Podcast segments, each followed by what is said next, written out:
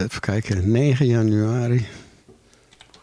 Ja, kan je het geloven, is het van. En we zijn 11 uur, kan je Ja. dat geloven, is het van. Ja, we zijn er weer. Welkom Alles allemaal. Hetzelfde. Ja, we weten niet hoeveel luisteraars, want deze stream geeft helaas niet aan hoeveel live luisteraars we hebben, maar dat maakt niet uit. Honderden, ik ben er zeker van. Duizenden.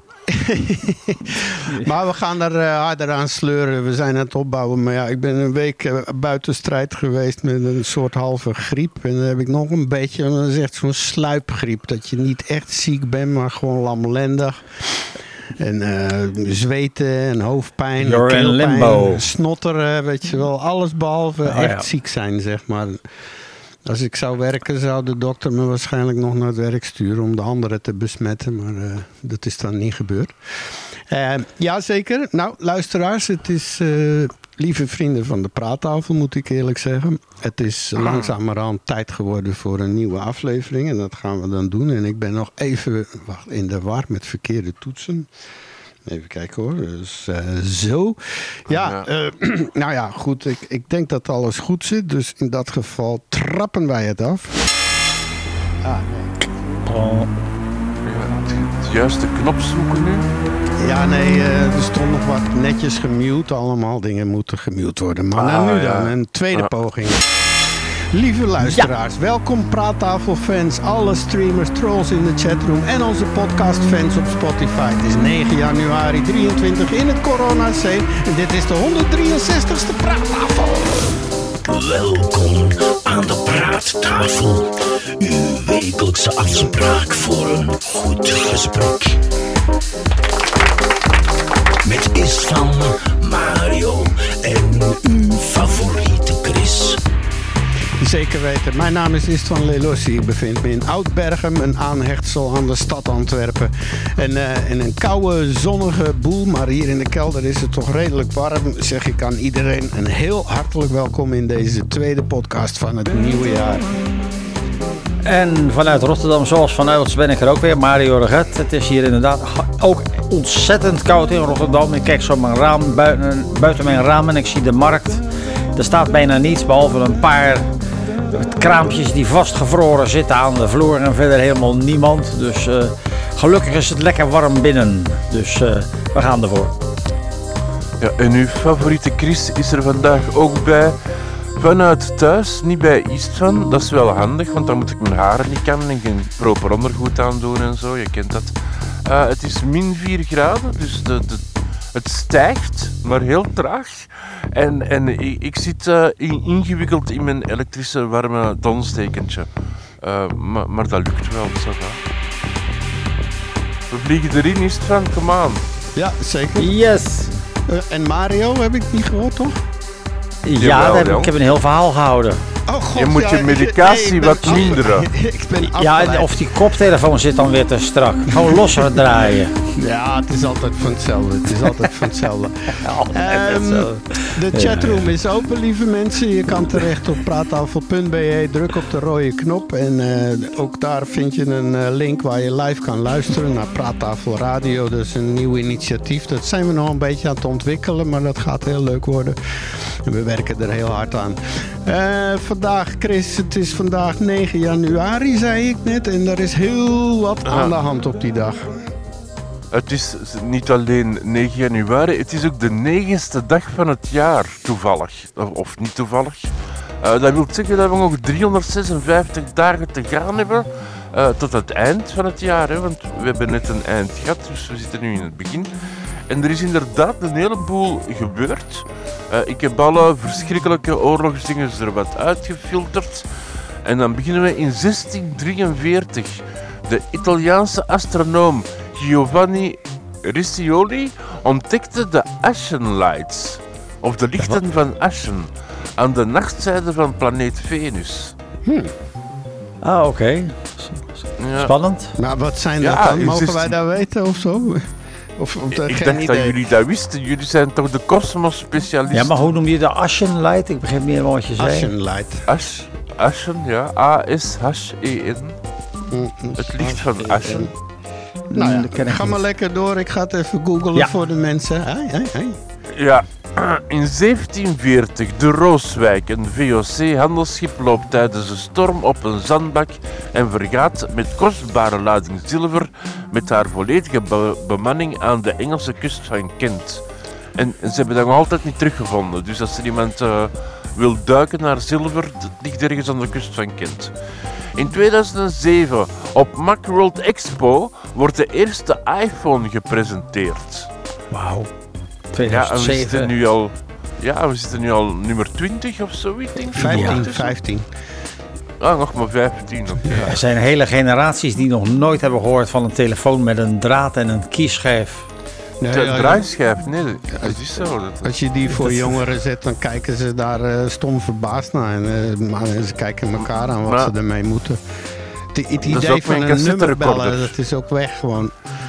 Ja. ja, dat is ook zo met een cassetterecorder. Een cassette, als je een, een kind een cassette geeft, die weet ook Ja. totaal niet wat dat is. Ja, heb ik op de markt gezien hier. Mama, wat is dit? Was een singeltje. Wat is dit? Zo Wij worden oud. Ja. Ja, ik, ik heb ooit zo een vriendin gehad.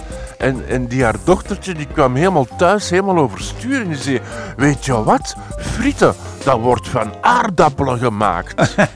Ja, ja Dat is een vreselijk. Ja. Ja. Ja. Eh, trouwens, ik heb ooit eens op een dierenboerderij gewerkt en, en er waren dan varkentjes en dan vroeg die, die boer, hè, want er kwamen dan schoolkindjes met school, zo van, dit is een varkentje en wat eten we van het varkentje? En de kindjes zien zo van, eten wij dat? Ja, je boterhamworst. Is dat boterhamworst van een varkentje? ja, ja. Dat, is, Maar- dat is een wake-up call dan. Hè? absoluut. Ja, Maar we zitten dus in 2007. In 2007, excuseert, is het voor de eerste keer in de Belgische geschiedenis moest een prins komen getuigen in een rechtszaak. En dat was namelijk prins Laurent. En die wordt namelijk opgeroepen als getuige in een fraudezaak bij de Belgische marine. Waarom verbaast me dit niet? In 2015, de twee verdachten van de aanslag op Charlie Hebdo wordt omsingeld en doodgeschoten nadat ze zich in een drukkerij in de Franse gemeente Oh ja. Damartin meneer Koulibaly. Angoul hebben verschanst. Vrijwel tegelijk wordt er een gijzeling in een Joodse supermarkt in Parijs, waarbij vier gegijzelden waren omgebracht door de politie tot een eind gebracht. Ja, dus alle gijzelaars waren dood. Voilà, kijk. Ja. Eh, in 2023 wetenschappers beschrijven in het publicatie dat na analyse is gebleken dat het monster van de restanten van de meteoor die op 28 februari 2021 werd waargenomen en die zijn gevonden bij Winchcombe in Engeland ammoniazuren bevatten. Die worden gezien als de bouwstenen voor het ontstaan van het leven. ja. Ook ontdekten de onderzoekers, Ja. ja. ook ontdekten de onderzoekers dat de, de planetoïde waarvan de meteoriet afkomstig was, vloeibaar water heeft gehad. Ja. Ja, dat is interessant. Ja, vandaag is het de dag van verantwoordelijk medicijngebruik. Is het van? Ik kijk Zo. dan vooral naar jou. Ja, want ik, ik, ik heb met mijn griep kreeg ik niks van de dokter hoor. Geen eh, antibiotica, eh, gewoon zoek het maar lekker uit. Eh, Maar het is Nee, al aan de hand. er is geen redder Ja, meer aan, dacht hij natuurlijk. Ja, ja, dat kan. Ja, maar ze zijn nu wel fel bezig met het terugdrijven van het voorschrijven van antibiotica. Dat is nu echt wel in een, eh, een nieuwe versnelling gekomen, denk ik hier. Nou, daar hebben we het vorige ja, week dat- over gehad, is- inderdaad. Eh, Dat loopt een beetje de klauw uit, die eh, de, de tolerantie voor antibiotica. Ja. Maar niet alleen antibiotica, niet alleen antibiotica, maar ook pijnstillers. In Amerika sterven Oh, ja. mensen met bosjes eh, eh, aan pijnstiller eh, over, overdadig. eh, Ja, oxycodone en zo, en die fentanyl. denk, denk aan die, Prins. hè, denk aan Prins onder andere en zo. Ja, was ook... Ja, ja. Pijnstillers. Ja, en die, die van Friends, eh, de Luke Perry. Ja, ketamine. Luke Perry, die had ketamine Ja. in zijn lijf en nog wat. Ketamine, dat, dat, dat is ontwikkeld, dat komt uit de, de dierengeneeskunde. Daar, die wordt, daar, ver- daar verdoof je normaal een paard mee. Heel bizar. Ja, en die had dat in zijn bubbelbad genomen en die is dan ofwel verdronken of een hartstand. On- Ik dacht- ondergebubbeld. Ja. Is, Eh, is doodgebubbeld. Morgen is het landelijke aardbeiendag. In de Ik weet ook niet waarom. Ja, en landelijk, landelijk wil dan zeggen Nederland. Hè. België doet er blijkbaar niet aan mee, het is enkel in Nederland. Ah ja, Nederland natuurlijk. allemaal kassen, dat zijn allemaal digitale aardbeien. Die, die, die zien geen... Ja, eh, ik denk het. Ja. ja, dat zou... eh, Zaterdag, Ja, oké, ga door. zaterdag is het de internationale dag van het Amber Alert. Dus Ah, vooral oké. eh, Oké. Voor de, kindertjes de datum die... eh, 13 januari is gekozen omdat het de dag, en dat was in 1996, de Texaanse Amber Hagerman werd ontvoerd en enkele dagen later werd vermoord teruggevonden. Zij was de eerste Amber Alert en blijkbaar werkt dat wel eh, eh, in, in Amerika. Die Amber Nou ja, ik geloof wel dat het een goed principe is. Als iedereen zo'n dingetje krijgt en er is iemand vermist, ja, dat is natuurlijk waarom ook niet. En als laatste zondag is het Wereldlogica Dag.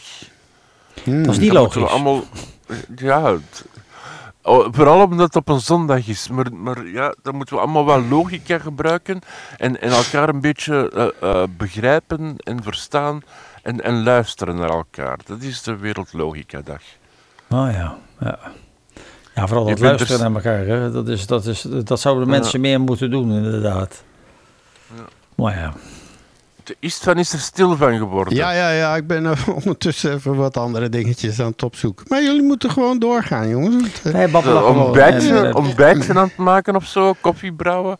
Nee, ik ben er door, want dat was zondag. Oh, kijk eens aan. Nou ja, dat waren, waren toen was wel weer een hoop dingen die zijn gebeurd. Zo zie je maar weer. hmm. Ja. Ik, denk, eh, ik denk dat dat toch een complot is van de middenstand. Die proberen zoveel mogelijk te verkopen. Dus er is iedere dag wel een aardbeiendag. Of de dag van, eh, de, de, dag van, van de macaroni. Of eh, je begrijpt wat ik bedoel. Ja, gisteren was het dus in Antwerpen vooral verloren maandag. Ik weet niet of dat je dat kent, eh eh, Mario. Verloren Ja. maandag, wat is dat? Ja, ja, dat is Dat typisch. is de maandag na Drie Koningen. En dan is het de bedoeling, en dat is vooral heel Antwerps, dat je worstenbrood en appelbollen eh, eet. Oké, oh ja, dat heb ik van Ja. gehoord. Dat is, dat is in de middeleeuwen ontwikkeld door de plaatselijke middenstand. En ja, hebben we nog steeds weer last die van. middenstand. Ja, weer die middenstand. Ja. En ik, Ja, was, ik, ik wilde op zoek gaan naar een bakker in, op de Turnhoutse baan. En die zou twintig verschillende worstenbroden hebben. Met witloof en champignons. En, maar ik zag dan even dat het eh, min 4 graden was. Dus dan dacht ik, nee, ik zal het dan maar laten. En ik was dan naar onze favoriete eh, supermarkt, de Lidl, gegaan. En het alternatief daar was eh zwart gebakken curryrollen. en daar heb ik ook voor gepast. Ja, die zagen echt zwart. En dan vroegen ze nog altijd een euro twintig voor per stuk. Ik dacht, nee, laat het dan maar. Hmm. Maar verkopen ze dan, eh, maar dat, dat zijn kanten, die verkopen echt brood, wat je, dingen die je gelijk kan consumeren bij de Lidl. Ja, dat ligt bij de bakker materiaal, hè. brood en, en toestanden. Oh, En daar heb ja, wij hebben zo- helemaal zo- geen bakker bij de Lidl. Oh ja, wacht eventjes, de, dat zijn die automatische broodbakdingen bedoel je. Ja, ja. Nou, hier hebben Ja. ze echt eh, zo vers brood, kleine broodjes, grote broodjes. Zo'n zo'n Ja, hebben we ook wel. En- Zo'n afbakkerij is Ja, dat ja, dat bedoel ik. Ze hebben, dat hebben we ook, ja, ja, Ja. ja. ja. Voilà, en er lagen dan die curryrollen, maar die waren te afgebakken. Poeh, ja. Foutje bedankt. Ja, dan, dan, dan, dat moet je vooral niet eten, want met name eh, dingen die verkoold zijn geraakt, daar zitten hele nare stofjes in die waar je eh, ziek van kan worden. Mhm. Wordt ook echt Ik weet aan, niet wat maar je- ik weet niet wat dat is van aan het doen is. Nee, niks. Ik ben gewoon Het is aan wel lekker rustig. En een beetje aan het... Ja. Ik, ik geef jullie alle ruimte. Wees blij, jongen. Ja, ik ben al een kwartier gedaan met alles, maar toch blijf ik gewoon Ja, ja. bezig. Ja, Oh, ja, ja, ja. Ja, Oké. oké. Nou Nou ja, dan gaan we gewoon verder, want we hebben natuurlijk nu de, het intro gehad. En, eh, de, en wat, wat, ja, wat, wat is dan, eh, wat is er vandaag gebeurd? En dan komen we bij eh, de, die Dark Side, oh de Dark Side Show, oh nou zie ik het, de Venus Dark Side Glow. Glow, Ash and Light. Ja, ik heb dat even opgezocht. Hè, want dat, dat doen wij hier, fact-checken. Want anders zit hij misschien boelie kaka te verkopen. En dan kunnen we natuurlijk niet eh, toestaan dat dat door onze filters heen glipt. Nee, nee, dus hier blijkt inderdaad. Maar eh, het is nog steeds een fenomeen wat alleen geobserveerd is, maar nog nooit gefotografeerd. En precies weten Wat het is, weten ze niet trouwens. Ik moet wel zeggen, alles waar we het over hebben komt in de show notes. Die vind je terug op onze webpagina praattafel.be. Straks als dit programma is geüpload. En uh, dus uh, alle artikelen, allemaal links, kan je lekker je eigen research doen. Maar hier uh, zijn allerlei theorieën over geweest. Want er schijnt aan de donkere kant van Venus een soort grijs licht. Het is niet helemaal zwart. En, ja, en waarom dat licht geeft, dat weten ze niet precies. Maar er is één theorie en die zegt dat onder uh, zeg maar, onder bepaalde omstandigheden kan uh, uh, zuurstof, als dat opstijgt, een oxygen emission theory. Het suggereert dat als zuurstofatomen combineren met hogere atmosfeerlagen in, aan de donkere kant van Venus, dat ze dan licht gaan uitstralen, zeg maar. En het heeft dus is aan de achterkant van, nou ja. Dat is nou ja, een beetje gelijk een monitor. Ja. Dat is een beetje gelijk een monitor. Als je dan een donker scherm hebt, is dat eigenlijk niet donker. Zo. Nee, met LCD, uh, LCD TV's ook, is nooit helemaal zwart. Hè? Dan moet je OLED ja. hebben. Dat is... OLED. Trouwens, uh, Mario, jij had zo'n zo'n 3D-ding. Uh, ik ben een naam. Ghost. Peppers, Peppers Ghost. Oh ja, dat ja.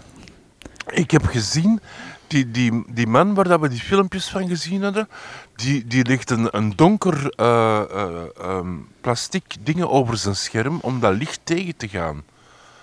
Zo'n filter, ja. een donker filter. En, en dan krijg je, dat, dat, als je een donker scherm hebt, dat licht van het donker er niet meer door. Mm -hmm. oh, een soort polarisatiescherm, ja. vermoedelijk zoiets. Ja, zo. ja, het zou kunnen. Ik vind het, kijk, door de camera ziet het er leuk uit, maar als je er in levende lijven naar kijkt, vind ik het een beetje tegenvallen. Ja. alleen als het echt donker is en, en, je kijkt ernaar van een afstandje is het leuk, maar ik had er toch meer van verwacht eigenlijk. Mm -hmm. Dus, dus ja, dus het was, je, het was een leuk experiment, maar ik, ik, was er niet kapot van, zal ik maar zeggen. Nee. Je moet dan niet zo'n filter over je, over je tablet leggen, misschien werkt dat dan wel.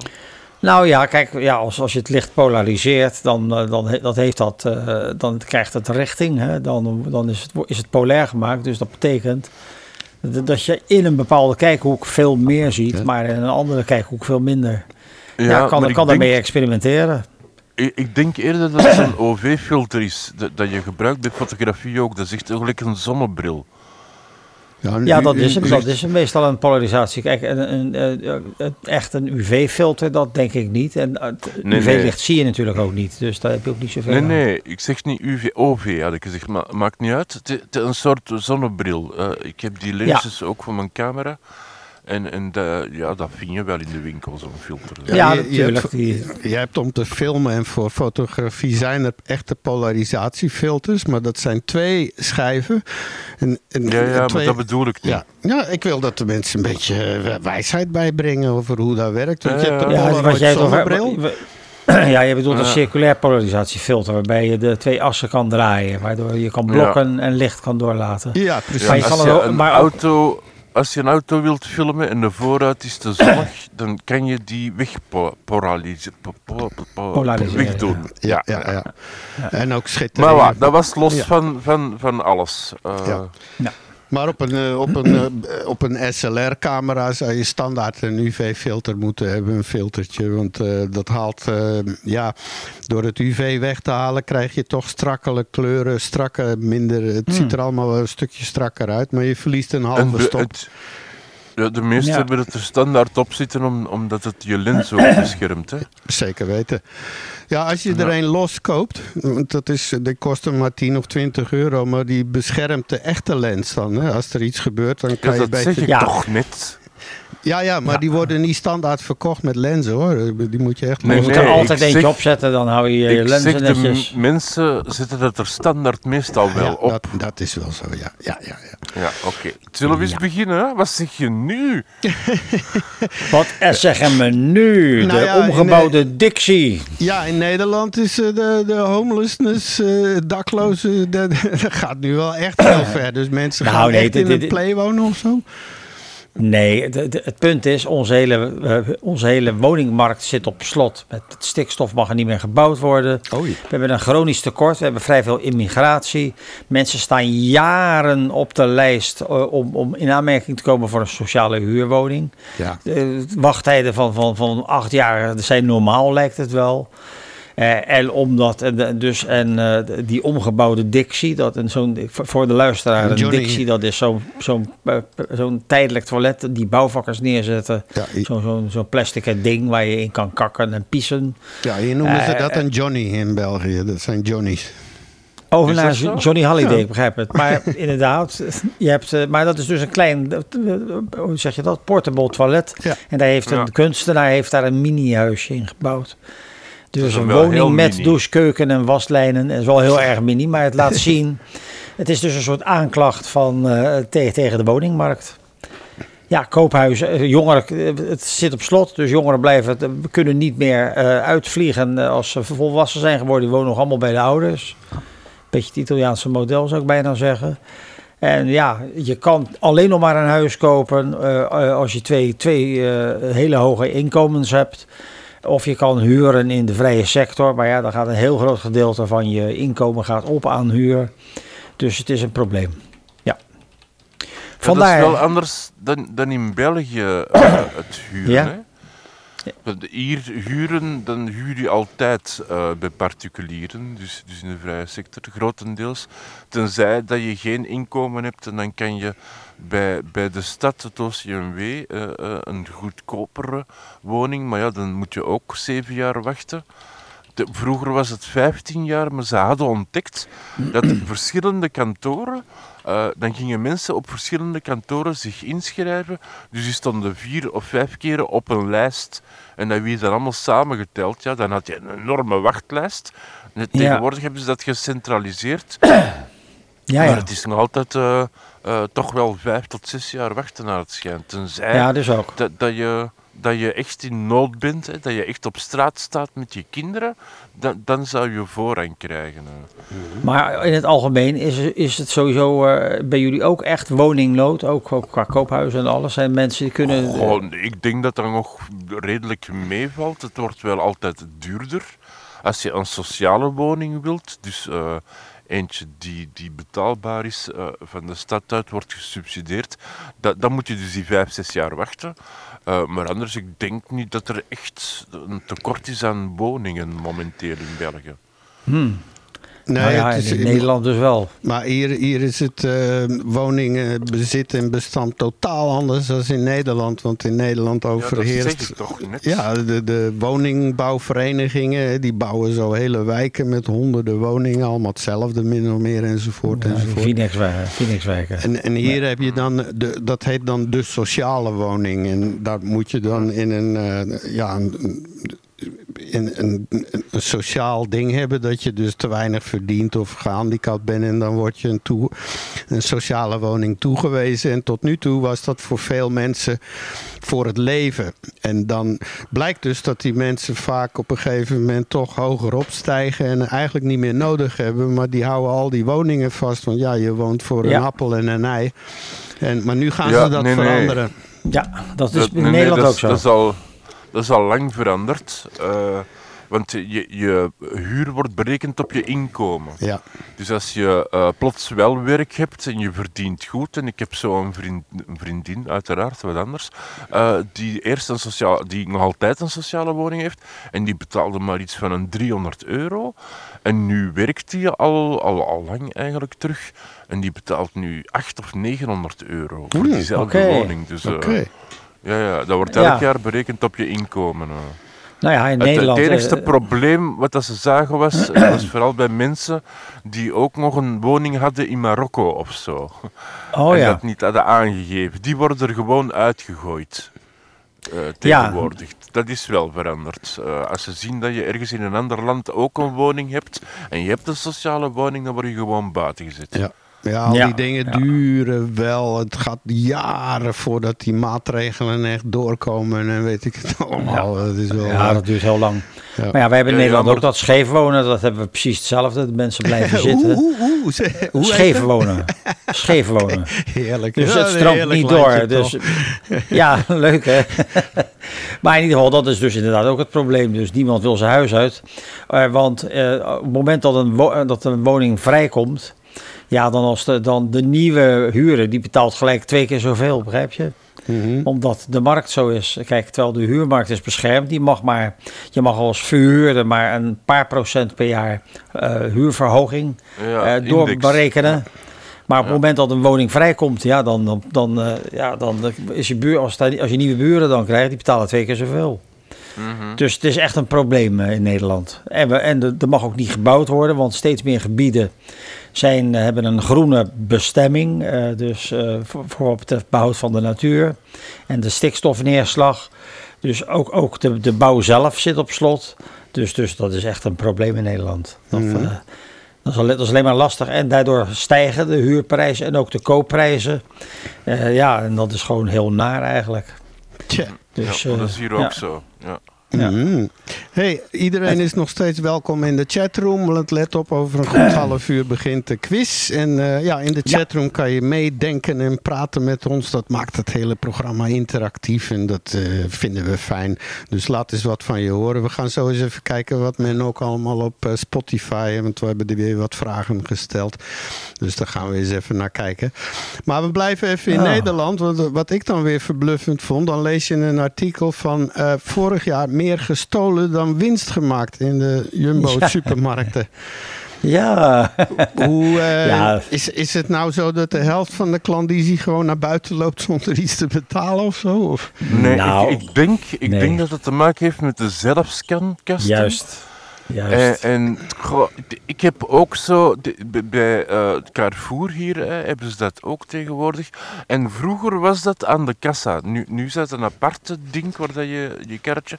Maar vroeger was dat aan de kassa en dan gaf je zo die scanner af en die werden dan gecheckt. En af en toe ging er een belletje en dat wilde zeggen dat de eh, verkoopster moest controleren. Ja, dus dan dus moest hij ja. wel alles scannen. Ja. En dan zei hij altijd tegen mij: Oh meneer, u bent de fles bruine rum vergeten te scannen. en dan zeg ik: Is dat zo? Oh, dat, ja, dat is toevallig dan. En als je dat had gedaan, dan moest je altijd de volgende keren eh, alles weer dan wel gecheckt. Nog eens. Dat was Nou, zo ik was, een veiligheid. ik was eh, Ja. Eind vorige week was ik hier in Shopping Weinigem. Dat is Mario, dat is in je wildste dromen. Als je droomt over de meest grote afschuwelijke winkelcentrum, dan, dan komt het daar ongeveer op neer. Het is gewoon, dat houdt niet Zo op. Supermall. En het Ja. was echt onkoppellopen, koppellopen. Nou, het was ook een grote Albertijn. En ik ben hier ook vaste klant bij onze Albertijn. En dat gaat precies zo. Ik scan zelf met mijn telefoon trouwens. Dat is nog makkelijker. En dan kan je ook mee afrekenen. En dan... eh, nu was ik daar en het was nogal nerveus. En eh, hoop... eh, ja, we hadden haast en shea en weet ik veel wat. Dus ik ga, ga gauw die Albertijn binnen. Ik koop wat dingen. Nou, en op een gegeven moment kom je bij de kassa en dan moet je op je telefoon op het betalen knopje klikken. Dus dan ben je klaar met shoppen en dan wordt er een andere link en die toon je dan aan die scanner en dan ploep. En dan, nou, en natuurlijk, eh, u wordt gecontroleerd. Terwijl dat meisje eraan komt, zie ik, ik had er twee pakken melk, twee pakjes melk, die was ik vergeten te scannen. En dat is het eerste wat ik tegen haar zeg. Maar ja, eh, dat, dat kind was misschien net die dag begonnen. Want die stond me met grote ogen aan te kijken. En die begon te scannen. En ja, die melk eh, gaf dus fout aan. Ik zeg, dat heb ik je toch net verteld. Die, die moet je niet scan de rest. En dan scan ik die melk opnieuw. En dan reken ik dat op. Was allemaal te ingewikkeld. Nee, we moeten naar de verantwoordelijke. En toen kwam ik dus aan die balie met die melk. En da- daar was meteen zo'n dame die me al zo scheef aankeek van een winkeldief. En dan ga ik dus niet twee pakjes melk van 90 cent stelen of zo. Hè? Minst een fles bruine rum. Ja. Nee, nee, nee, zeker niet. Maar ja, en dan, eh, ja meneer, maar hoe nu moet dat wel? Ik zeg, ik weet het. En trouwens, ik zeg, het eerste wat ik tegen de dame zei, ik ben die twee vergeten. Ik zeg, ik ben ziek, ik heb het slecht naar mijn zin. Ik was vreselijk aan het snotteren. Ik zeg, dit, eh, gaan we dit oplossen? Ja, nou, ik weet niet, er moeten wel maatregelen. Dus ik zeg, nou, doet u maar vooral wat u nu moet doen, want ik ga hier geen tijd meer over verspillen en zo. Ja, en dan keek ze je zo even aan en dan, nou, en hoe zit dat dan? Nou, eh, alles gescand en afbetaald. Ja, volgende keer wel alles scannen hoor. Weet je wel, kom aan. Ja. Je bent vaste klant, maar ja, bij deze winkel ben ik ook wel eens wat vergeten. En daar doen ze nooit moeilijk over, want ja, daar kennen ze me wel een beetje intussen nu. Want, eh, maar, maar geen Ja. probleem, weet je. Als ze iemand. Maar ja, dat, ja, maar je- dat vergeten, dat, dat, dat heeft dus in Nederland een enorme vlucht genomen. Iedereen lijkt wel wat te vergeten. En dat kost dus 100, 100 miljoen per jaar. Oh my god. Eh, en dat is nogal wat. En het is natuurlijk ook heel verleidelijk. Want, want ja, je gooit, je gooit die kar, kar vol. En als er dan controle is, dan, dan pakken ze uit je tas drie dingen bo- die bovenop liggen. En ze kijken of dat klopt. En ja, dan mag je doorgaan. Ja, dat begrijp ik ook bedoel, dus- hebben ze scanners waar dat je gewoon je kar zo, zo bij het vliegveld zo doorduwt. Hmm. En, en die scant gewoon alles wat het erin zit. Oh, Je oh, zelf niks niet meer uithalen. Hmm. Ja, dat is nu nieuw, heb ik eh, een paar weken geleden Ja, ja. gezien. Oh. Oh ja. Eh, en die scant gewoon alles, dus je moet er niks niet meer uithalen en dat is direct afrekenen. Dat is altijd juist, zeggen ze. Zeggen ze ja. Ja. Nou ja, Dus, dat, eh, dat zal met de RFID-chips werken, hè, met die eh, Waarschijnlijk. chipjes. Nou ja, als je kijkt bij de Ik weet niet hoe dat bij jullie is, maar dan op het moment dat je de, voor die, die zelfscankassa staat, dan zie je een heel groot scherm, dan zie je jezelf en je wordt, eh, dus je beseft dan ook dat iedereen meekijkt met wat jij precies in je hand hebt en in die tas doet. Ik weet niet of jullie dat ook hebben, dat, dat, dat, mogelijk dat dat wel een beetje werkt. Maar inderdaad bij de Jumbo, ja, dat is... eh, ja, eh, als, als dus alleen de, de bovenste drie artikelen gecontroleerd wordt, dan, dan ja, je hebt zat mensen die dan denken van, nou, dan gooi ik mijn biefstukken en mijn, en mijn fles sterke drank gooi ik onderin. Nou ja, en dan die- gooi ik dan wat zooi op. Maar ik merk toch dat hij regelmatig, en ook bij deze Albertijn, als ik gescand word, dan zegt hij acht artikelen scannen en ik heb er acht gekocht. Dus die, die willen gewoon alles scannen. En dat die drie of zo, dat was in het begin, dat is zo'n steekproef. Maar tegenwoordig, eh, als- ik gecontroleerd, dat is maar eens in de maand of zo. Maar dan, eh, maar dan scannen ze toch, eh, dan staat er op dat lijstje van hun gsm, ze het mee doen, zo van acht artikelen scannen. En dan wordt de hele tas leeggehaald. Want wat ik Ja. doe, eh, ik scan met mijn telefoon. Dus ik ga met zo'n klein karretje, ik steek mijn zak erin en ik gooi alles en scan in de zak en dan afbetalen en weer uh, huppakee weg. Dus dat is super efficiënt wel. Het zou pas interessant zijn als je naar de scanner gaat en dat die scanner zegt: Zou je die zak snoepjes wel kopen? Koop je niet beter een kilo appeltjes in Ja. jouw geval of Ja. zo? Oh, dat lijkt mij heel erg leuk, de, ja. De Nutri-score eh, toestand of zo. eh. Ja, ja. ja, ja.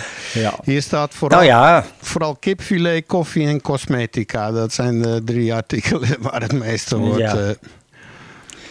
Ja. ik, ik, dit is, dat is inderdaad echt een probleem. Want je, je gaat dan uit van de goodwill van de klant. En eh, het, het zijn moeilijke tijden voor een hele hoop mensen. Dus de verleiding is groot. Dus ik begrijp het eigenlijk wel ergens wel. In het begin vond ik het wel vervelend. Want in het begin moesten die meisjes, eh, over het algemeen zijn het meisjes die controleren. Die moesten dan af en toe iemand eruit pikken. En ik was altijd de lul, want ik zie er natuurlijk heel onschuldig uit. En Ja. eh, ik, eh, ze, ze, ze verwachten met mij minder probleem te hebben dan, dan, dan die eh, twee meter lange getatoeëerde voetbalhooligan die, die zijn kar staat vol te tanken, als je begrijpt wat ik bedoel. Maar gelukkig is dat nu veranderd en nu is het... Heb doet je de re- tattoos doet- laten zitten, Mario? Ja, dat zou wel makkelijk zijn. kaal, Ja, kaal. een oplossing. Kaal, ja, absoluut. Ja, Maar het, het is nu Feyenoord-sjal. Ja, maar het is nu geautomatiseerd. Dus, dus automatisch gaat er een, eh, om de zoveel tijd ergens een kassa aan lamp branden. En die wordt dan gescand. Dus ik heb het wat dat betreft een stuk rustiger. Ja, ja. Maar ja. ja. Hey, ehm, even kijken. Ja. We zijn er een beetje doorheen, want we hebben nog zoveel andere dingen te doen. En vooral iets Nou, we hebben ook nog, en- Ja, ja, ja, wacht even hoor. Nee, nee, nee, ga verder. Diertjes. Ja, je hebt gelijk. Biomimicry. Wat we kunnen leren van de natuur. Ja, vandaag we hebben een stukje over zweefvliegen en gyroscopen. Vind ik buitengewoon boeiend. En daarna nog een beetje, een beetje, een beetje bionieuws. bionieuws. Ah. Ja, ja, ja. Nou, zweefvliegen, dat zijn, eh, eh, dat zijn, eh, die doen zelf ook aan mimicry. Want die zien eruit alsof ze, ze doen net alsof ze een wesp zijn. Ik weet niet of je ze wel eens hebt zien hangen op een lekkere warme dag boven een zandpad of zo. Dat zijn die vliegen die echt hoveren. Die blijven stil hangen in de lucht. Dat zijn meestal, eh, dat kunnen, bepaalde hommels kunnen dat en, en zweefvliegen. En ze zien er inderdaad een beetje uit als een wesp. Dus mensen zijn er ook een beetje bang voor. Maar ze zijn volstrekt onschuldig. En het zijn ook nog eens cruciale bestuivers. Uh, dus, uh, maar ze hebben hele bijzondere capaciteiten. Met name een razendsnelle manier om zich tijdens de vlucht te oriënteren. En in het bijzonder kunnen ze ook vrijwel direct omdraaien wanneer, wanneer ze vanuit een omgekeerde positie vliegen. Ze kunnen dus zelfs omgekeerd vliegen. Dat is, dat is heel bizar. Uh, probeer, bouw dat maar eens na. Nou, die, die oprichtreflex bij zweefvliegen, dat is een combinatie van aerodynamische krachten en gecoördineerde lichaamsbewegingen om die rolbeweging te initiëren en te controleren. Want hoe werkt dat? Tijdens het opstijgen klapperen zweefvliegen met hun vleugels niet synchroon met elkaar. Uh, en door die asymmetrie in die vleugelbeweging krijg je een soort koppel, waardoor die zweefvlieg een rol kan initiëren. Dus ze kunnen vervolgens die hoeveelheid koppel regelen door de amplitude, de uitslag van die vleugels, zeggen, om door die amplitude te veranderen.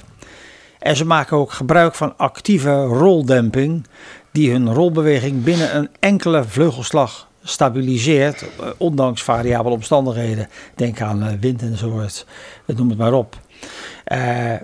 En ze hebben daarbij ook nog eens een hele efficiënte blikstabilisatiereflex, waardoor ze hun visuele focus en oriëntatie behouden, terwijl het hoofd en hun borststuk met verschillende snelheden roteert. Dan ga er maar eens aan staan. Die balletdanseressen die kunnen dat een beetje. Dus die kantelen niet het publiek. En als ze een paar maal heel snel om hun as hebben gedraaid. Zoals wat wij hebben. Uh, wij, kachelen zo de, de struiken in als we dat doen. Maar die, die, die, die lokken steeds een plekje in de zaal. En draaien 100, 360 graden en lokken weer op dat plekje. En zo kunnen die balletdanseressen heel snel om hun as draaien. Dat is die blikstabilisatiereflex. Maar zij zijn daar meesters in die zweefvliegen. En een sleutelaanpassing die dat kan bij die vliegen, dat is de aanwezigheid van halters. Want vliegen hebben slechts twee vleugels en de rest van de insecten hebben vier vleugels. Het filum, uh, uh, ze heten ook in het Latijn vliegen, het hele filum, de hele groep. Dat is diptera, oftewel twee vleugelen, hmm. vleugeligen. Denk maar bijvoorbeeld vlinders, dat zijn lepidoptera, dat zijn schubvleugelen. En zo, heeft, zo kan je eigenlijk aan de naam een beetje horen wat, wat dat beest is en doet. Maar dus in plaats van vier vleugels hebben die vliegen twee vleugels en twee haltertjes. Dus die achterste stel vleugels die zijn geëvolueerd. En dat zijn haltertjes geworden, twee eh, stokjes zou je kunnen zeggen. Die fungeren als gyroscopische sensoren. En dat is heel bijzonder. Die halters die zijn ontwikkeld op basis van dus die eerdere achtervleugels. Hebben sensoren en die uh, detecteren de positie en de beweging aan de basis. Dus ze slaan tegenover de vleugels en die reageren op die centrifugaalkrachten en ook Corioliskrachten, zeg maar, waarom eh, de lucht eh, als de aarde draait, waarom, uh, waar, waarom ontstaat er dan weer? Dat komt omdat de aarde om zijn as draait. En die weersystemen, die hebben, die, de, de draaiing is natuurlijk het hardste op bij de evenaar en het minst bij de polen, waardoor je een soort cirkelvormige krachten hebt, de Corioliskrachten. Nou, dat is ook bij die vlieg zo. Dus die, die haltertjes, die staan tegenover die vleugels en die, die compenseren die centrifugaal en die Corioliskrachten, waardoor, ze hele, waardoor zo'n beestje heel veel informatie krijgt over de hoeksnelheid van de vlieg. En die integratie van die halters in die oprecht, oprichtreflex is essentieel voor hele nauwkeurige oriëntatiecontrole. Dus dat is eigenlijk een heel bijzonder dier. Wat hebben wij daaraan? Uh, het begrijpen van die oprichtreflex van zweefvliegen, dat biedt nogal wat mogelijkheden in, in techniek en ontwerp. Denk aan uh, bijvoorbeeld de manoeuvreerbaarheid van luchtsystemen, autonome drones, robot, robotplatforms. Hoe dol zou het zijn als dat zou kunnen? Dan kan je zelfs een drone bouwen die ondersteboven kan vliegen. Eh, dus je kan dan sowieso drones ontwikkelen die in hele complexe omgevingen kunnen opereren. Want door dus die asymmetrische vleugelbewegingen en die slagamplitude toestand van dat haltetje na te bootsen, kunnen drones betere controle krijgen tijdens het opstijgen en het vliegen. Rolbewegingen actief te dempen. Eh, waardoor je dus ook met, onder hele moeilijke omstandigheden, denk aan een redding tijdens een brand en in, tijdens een storm of zo, kan je dan toch een drone gebruiken die echt kan dealen met dat soort bizarre omstandigheden. Maar ook aardgebonden robotica, de oprichtreflex waar ik het over had. Nou, dat zou natuurlijk eh, het zelfcorrectie, zelfcorrectievermogen van een robot enorm vergroten. Ik bedoel, eh, als je een schop tegen, geeft tegen een robot die door huis loopt, die, die kan daar dan mee omgaan. De Boston Dat Dynamics een moet beetje. ik ineens aan denken. Ja, denk aan die, ja, die hond hè, waar je daar een rode schop tegen geeft. Nou ja, dat is dus... Dat, dat is dus eigenlijk een beetje hetzelfde. Alleen die zweefvlieger is daar gewoon nog veel beter in. En eh, je krijgt natuurlijk, eh, het, en het is ook interessant, denk aan draagbare technologieën eh, voor personen met mobiliteitsbeperkingen. Dus, dus, daar kan je je alles bij voorstellen. En al met al, als je dan praat over zo'n zo'n eenvoudige zweefvlieg die je op een warme zomerdag ergens boven een zandpad ziet hangen. Kijk eens wat we daarvan hebben kunnen leren. Dus dat, dat is eigenlijk mijn verhaal van deze week.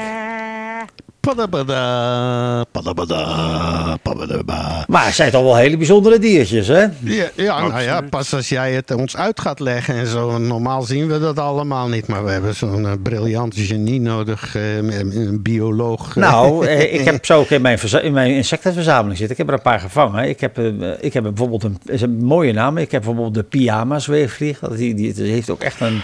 Als je heel goed kijkt, zou, kan je er ook echt iets bij voorstellen. Het lijkt ook wel een klein beetje op een pyjamaatje. Ik vind het interessante diertjes, absoluut. Maar goed, dat even tussendoor. Yes. Dus een leuk verhaal. Ja. Ja, oké. Ik heb nog een leuk verhaal. Een functie van jeuk. Ja. Een, een van onze lezers vroeg zich af: wat is het nut van dat nare gevoel? En eh, wat helpt er nu wel en wat helpt er nu niet tegen? Eh, hè? Dus Nou ja, functie is wel duidelijk. Ik bedoel, waarom hebben, waarom hebben koeien een staart?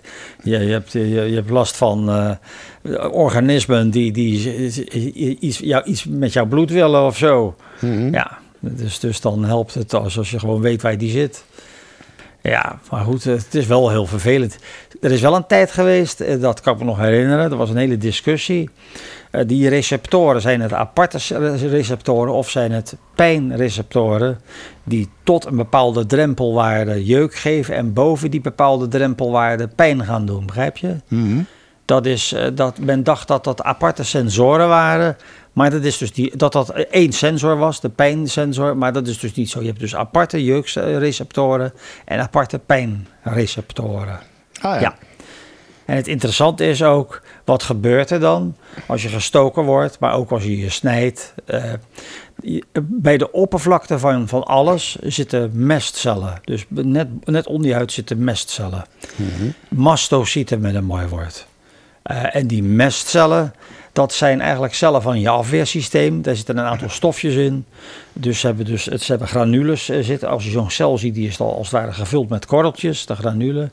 En de twee belangrijkste stoffen zijn dan histamine en heparine. En als je bijvoorbeeld gestoken wordt door een mug, wat gebeurt er dan? Die mestcel loost dan gelijk die stofjes. Nou, de, de histamine, de heparine zorgt ervoor eh, dat het bloed eh, eh, dunner wordt, waardoor de hulptroepen er vl- vlakbij kunnen. En de histamine zorgt ervoor dat je vaat, vaten verwijden. eh, waardoor het allemaal wat makkelijker. En dat zeg maar, hij laat dan ook mediatoren los, waardoor allerlei hulptroepen zeg maar, die kant heen gaan. Denk maar aan macrofagen en allerlei witte bloedlichaampjes die eh, alle, alle, eh, alle ellende kunnen uitschakelen. Eh, maar ja, die histamine, dat, is, ja, dat, dat hebben we dus heel veel. O- Op mijn website staat trouwens een artikel over een, eh, de tong van een rat, waar ik het heb over die me- mestcellen. Die daar in enorme hoeveelheden aanwezig zijn, wat ik nog nooit eerder heb gezien. Dus dat geeft wel een beetje aan dat zo'n beest eh, eh, beducht is op het eten van alles en gevaarlijke dingen en zo.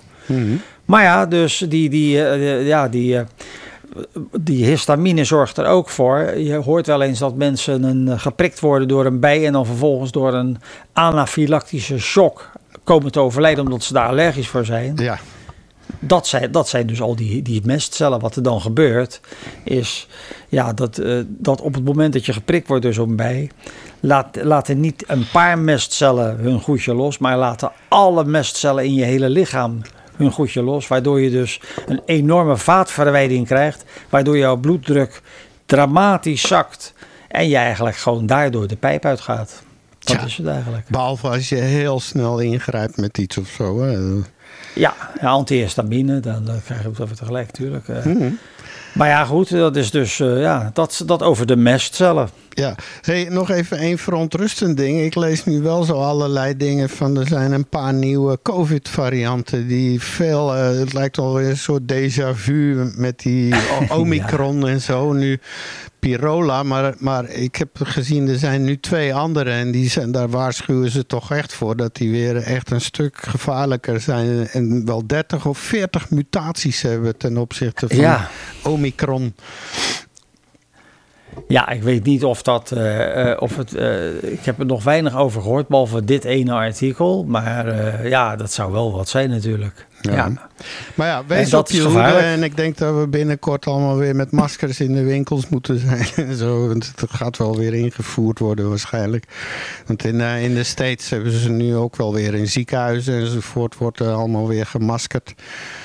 Eh, Ja, ik denk dat, dat het eh, decennium of zeg maar de eeuw van de, de, van de pandemieën is aangebroken, ben ik bang. ja, oké. We zitten met te veel mensen. Als je alleen al kijkt hoeveel dieren er nu inmiddels besmet zijn door, eh, door eh, vogelgriep, om maar eens wat te noemen. Ah ja, dat zijn geen vogels alleen maar. ijsbeer. Een ijsbeer was ook overleden aan vogel, vogelgriep. Hoe kan een ijsbeer Ja, aan vogelgriep? IJsberen, eh, vogels, marters, bevers. er zijn heel veel dieren die besmet zijn inmiddels door, door zo'n zoonose. Het is begonnen bij vogels, maar eh, dat- wil niet zeggen dat het bij vogels blijft. Ik bedoel, eh, ebola is ook een zoonose Ja, ja, en ja. het Marburg-virus. En eh, ja...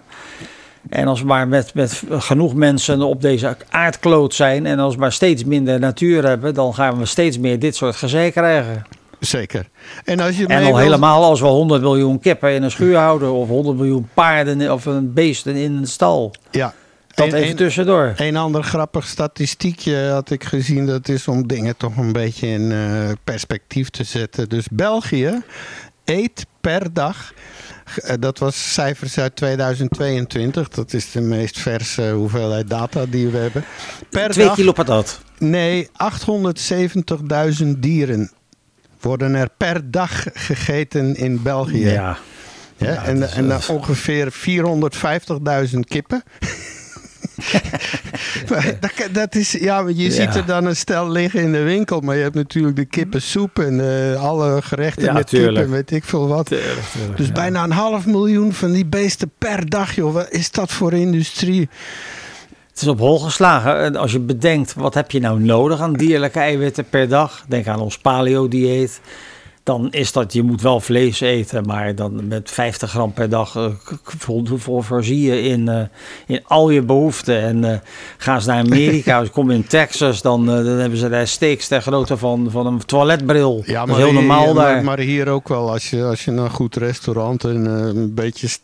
krijg je ook, eh, want het is vaak soms een intimiderend groot stuk vlees, weet je. En, en daar, en daar ja. adverteren ze ook mee, hè. Een ribeye 400 gram en een ding 500 gram en zo. En dan liggen er drie doperwten onder en twee aardappeltjes. En het is, het is alsof vlees het enige is wat, je, wat lekker is.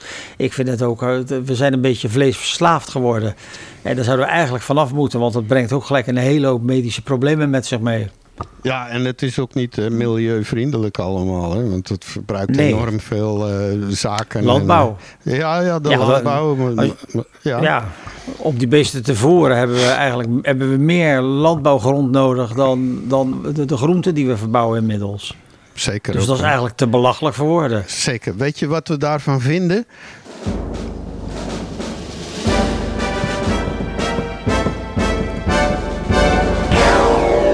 Veren deze keer. Deze keer afschuw in Italië. En ik wil even een clipje laten horen, want we weten waar. Want het- dit is gewoon tot nu toe zag en hoorde je deze dingen in zo van die zwart-wit filmpjes uit de twintiger, dertiger jaren. En dan stond daar zo'n eh, figuur als Mussolini op het balkon. Maar dit is, Ach, van, ja. maar dit is van gisteravond. Ja, vreselijk.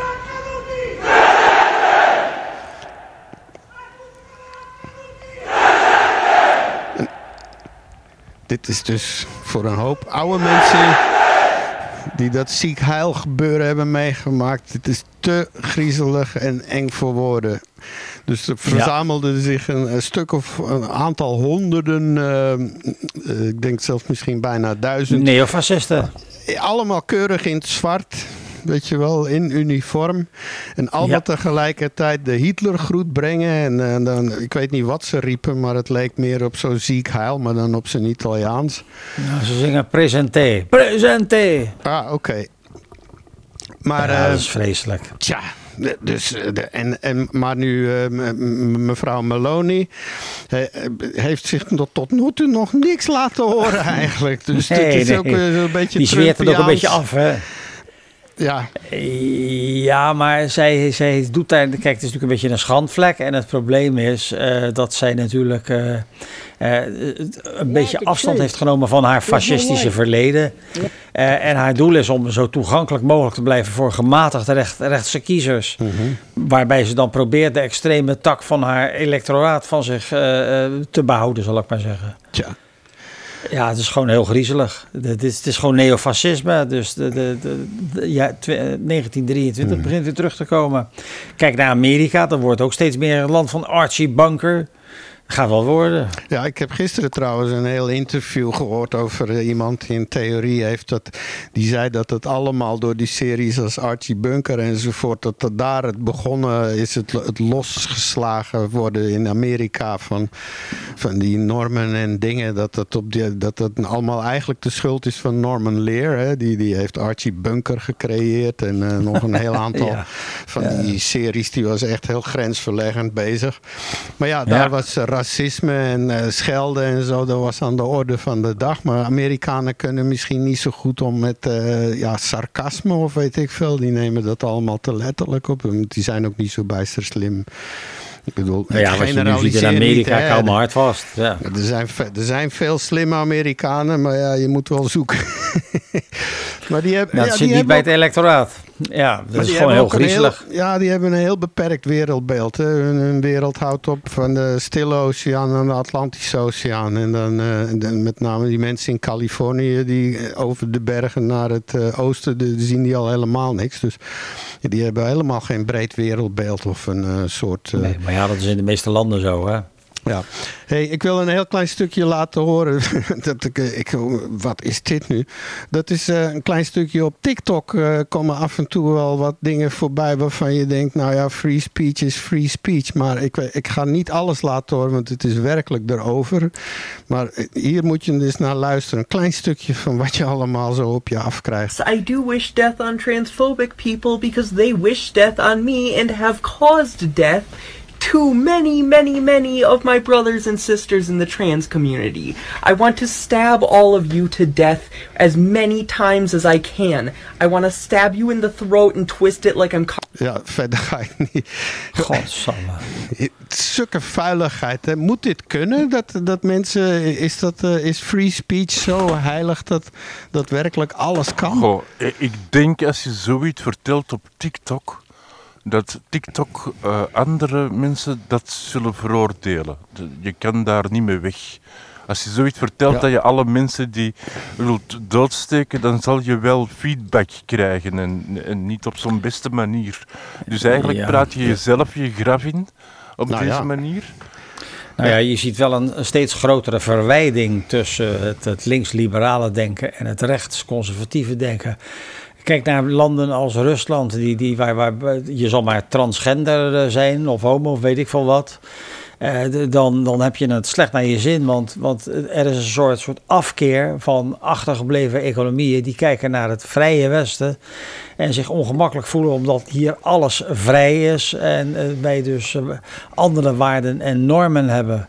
En triest is het dan om te zien dat, dat dan eh, de landen teruggrijpen naar, eh, ook Amerika, naar, naar het, eh, het, het- de tijd van vroeger. Dat Mhm. dat, dat het, het gezin de hoeksteen van de samenleving was en zo. Dat is niet meer zo, maar ja, dat is die goede oude tijd. De tijd van Archie Bunker. Dat, dat, dat is heel erg vervelend en heel erg griezelig. Vooral als je zeker, als je afwijkend bent. Ja, dat Ja. is heel naar. Maar, maar, maar je hoort inderdaad van terug naar de goede oude tijd, naar de vijftiger jaren. Maar dat wil Ja. niemand. Want ik heb pas ook een stuk gelezen van wat er toen nog Dat allemaal niet was. En wat er allemaal mis was Ja. met de hele boel. En dat we toch wel een heel eind geëvalueerd, geëvolueerd zijn. Maar, maar ja, dat is een soort vreemd soort eh, nostalgie of zo. Van, Ja, dat je het in je eigen hersenen, je, je maakt het goed. Want je, dat voelde zo. Nee, maar dat, dat is ook logisch, want eh, je, je, brein heeft de neiging om de positieve dingen veel beter te behouden dan de negatieve Mhm. dingen. Die worden vaker verdrongen. Waardoor je dus dat con- concept krijgt dat vroeger alles beter was. Je hebt mensen die dat zeggen, maar die vergeten dan inderdaad wat er in die tijd gebeurde. Mhm. Dus, dat, dus die nostalgie, dat, die kleurt de mening. Mhm. Maar het is natuurlijk helemaal niet beter. Vroeger was dat allemaal zwaar kut natuurlijk. Ja, maar zou het ook niet kunnen als iemand van 60 zegt, ja, vroeger was het beter. Ja, je was toen 20, dus, dus dan Zeker. wa- was je ook beter, maar de, de Maar ja, tijd denk eens aan de uitlaatgassen van die auto's toen in die tijd. En eh, gebrek Ja. aan medicijnen. En dan was dit niet en Je dat zal maar niet. en zo. nierstenen hebben in die periode, of noem het maar op.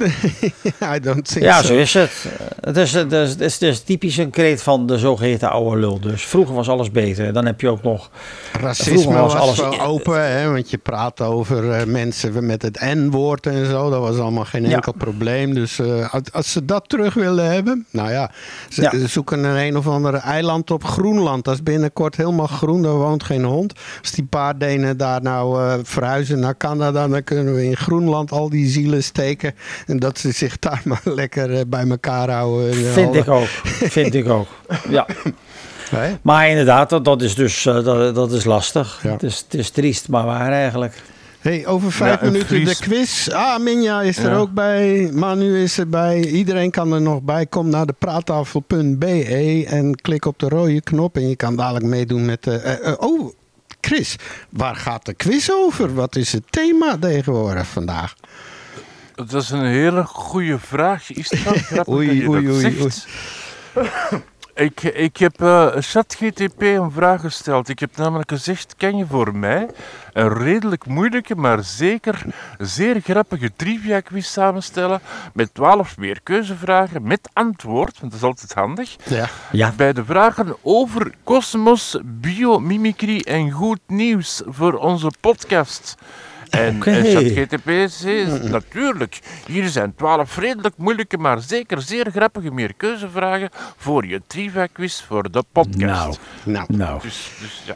iedereen is aan boord. Je hebt nog een paar minuten om mee te doen en onsterfelijkheid te, winnen enzovoort. Nou, nog één dingetje ik vroeg wou ik het me af. nog- Ja, ja. Ja, mag je ik even hebben over free speech? Eh, Ja. Het was van de week ook de, de opening van het nieuwjaar voor eh, het Europees Parlement in Brussel. En dat weer de eerste 15 minuten gegijzeld door eh, Palestijnse vlaggen en, en oproerkwaaier. Ze waren er niet echt blij mee dat het Nee, gebeurde, nee, want maar- alles was live. Ja, Nee, maar, Nee, er, nee, was, maar- er is ook zo'n controverse. Want oké, je kan het wel opnemen voor die Palestijnen enzovoort. Want ja, 90% van die mensen zijn goede zielen. Dat, dat, dat zijn niet allemaal Hamas en Fatah, weet ik Nee, veel natuurlijk wat. niet. Ja. Maar eh, wat ze nu roepen, die ene slogan waar ik toch wel een beetje moeite mee heeft, en men ook trouwens, is From the river to the sea, Palestine Sea, will be ja. free. En wat bedoelen ze daarmee? Dat alle Israëlieten Ja, in zee worden geschoven? Of, of dat ze gewoon Nou, als ze dan Israël elkaar- eh, ja, die twee staten oplossing, dat gaat niet lukken, denk ik. Maar de- de- ja, Nee, het is meer. controversieel. Maar Aan de andere kant is het ook wel zo dat het aan, voor sommige eh, Israëlische staatslieden zou, zouden ze het liefst hebben dat de hele Gaza ontruimd wordt als ze daar nederzettingen kunnen bouwen. Ja, dat is natuurlijk niet, dat is bungalows, eigenlijk de andere eh, kant. Een, vakantieresort van maken. Er zijn een aantal ministers die dat geroepen hebben. Maar ja, die Ja, West- dat is. eh, de, de, Westbank, zo, de, toen eh, Sharon en Arafat hebben toen dat vredesverdrag gesloten, de Oslo-akkoorden. Ja, dat was en meneer. Barak was dat met Yasser Arafat. Ja. Ja, dus eh, dat was met Bill Clinton en, eh, en, en, Ja. eh, Yasser Arafat. En, die hebben zelfs de Nobelprijs daarvoor gekregen toen. Ja. Maar wat, ze, wat zijn ze toen begonnen doen? En dat heeft geen enkele regering tegengehouden. Is al die stomme nederzettingen. En, en Nou, zeker. Intussen zijn er nu al 30 of 40 van die soort mini-steden en dorpen, nederzettingen in, in de Westbank eh, gemaakt. Zodat er zo technisch helemaal geen staat meer kan. Want je, die arme Palestijnen moeten om die steden heen en daartussendoor. En weet ik veel. Het is, ja, Ja, en het punt is, je zegt wel, er is nooit tegen geprotesteerd, maar weet je hoeveel VN-resoluties tegen dat nederzettingenbeleid zijn eh, uitgevoerd? Daar vegen ze gewoon een reet mee af. Dan moeten wij eens doen met een, met een resolutie van de VN. Ja. Dan zijn de rapen gaar, maar zij kunnen klaarblijkelijk, ongestraft, gewoon zeggen, scheid aan alles. En Ja.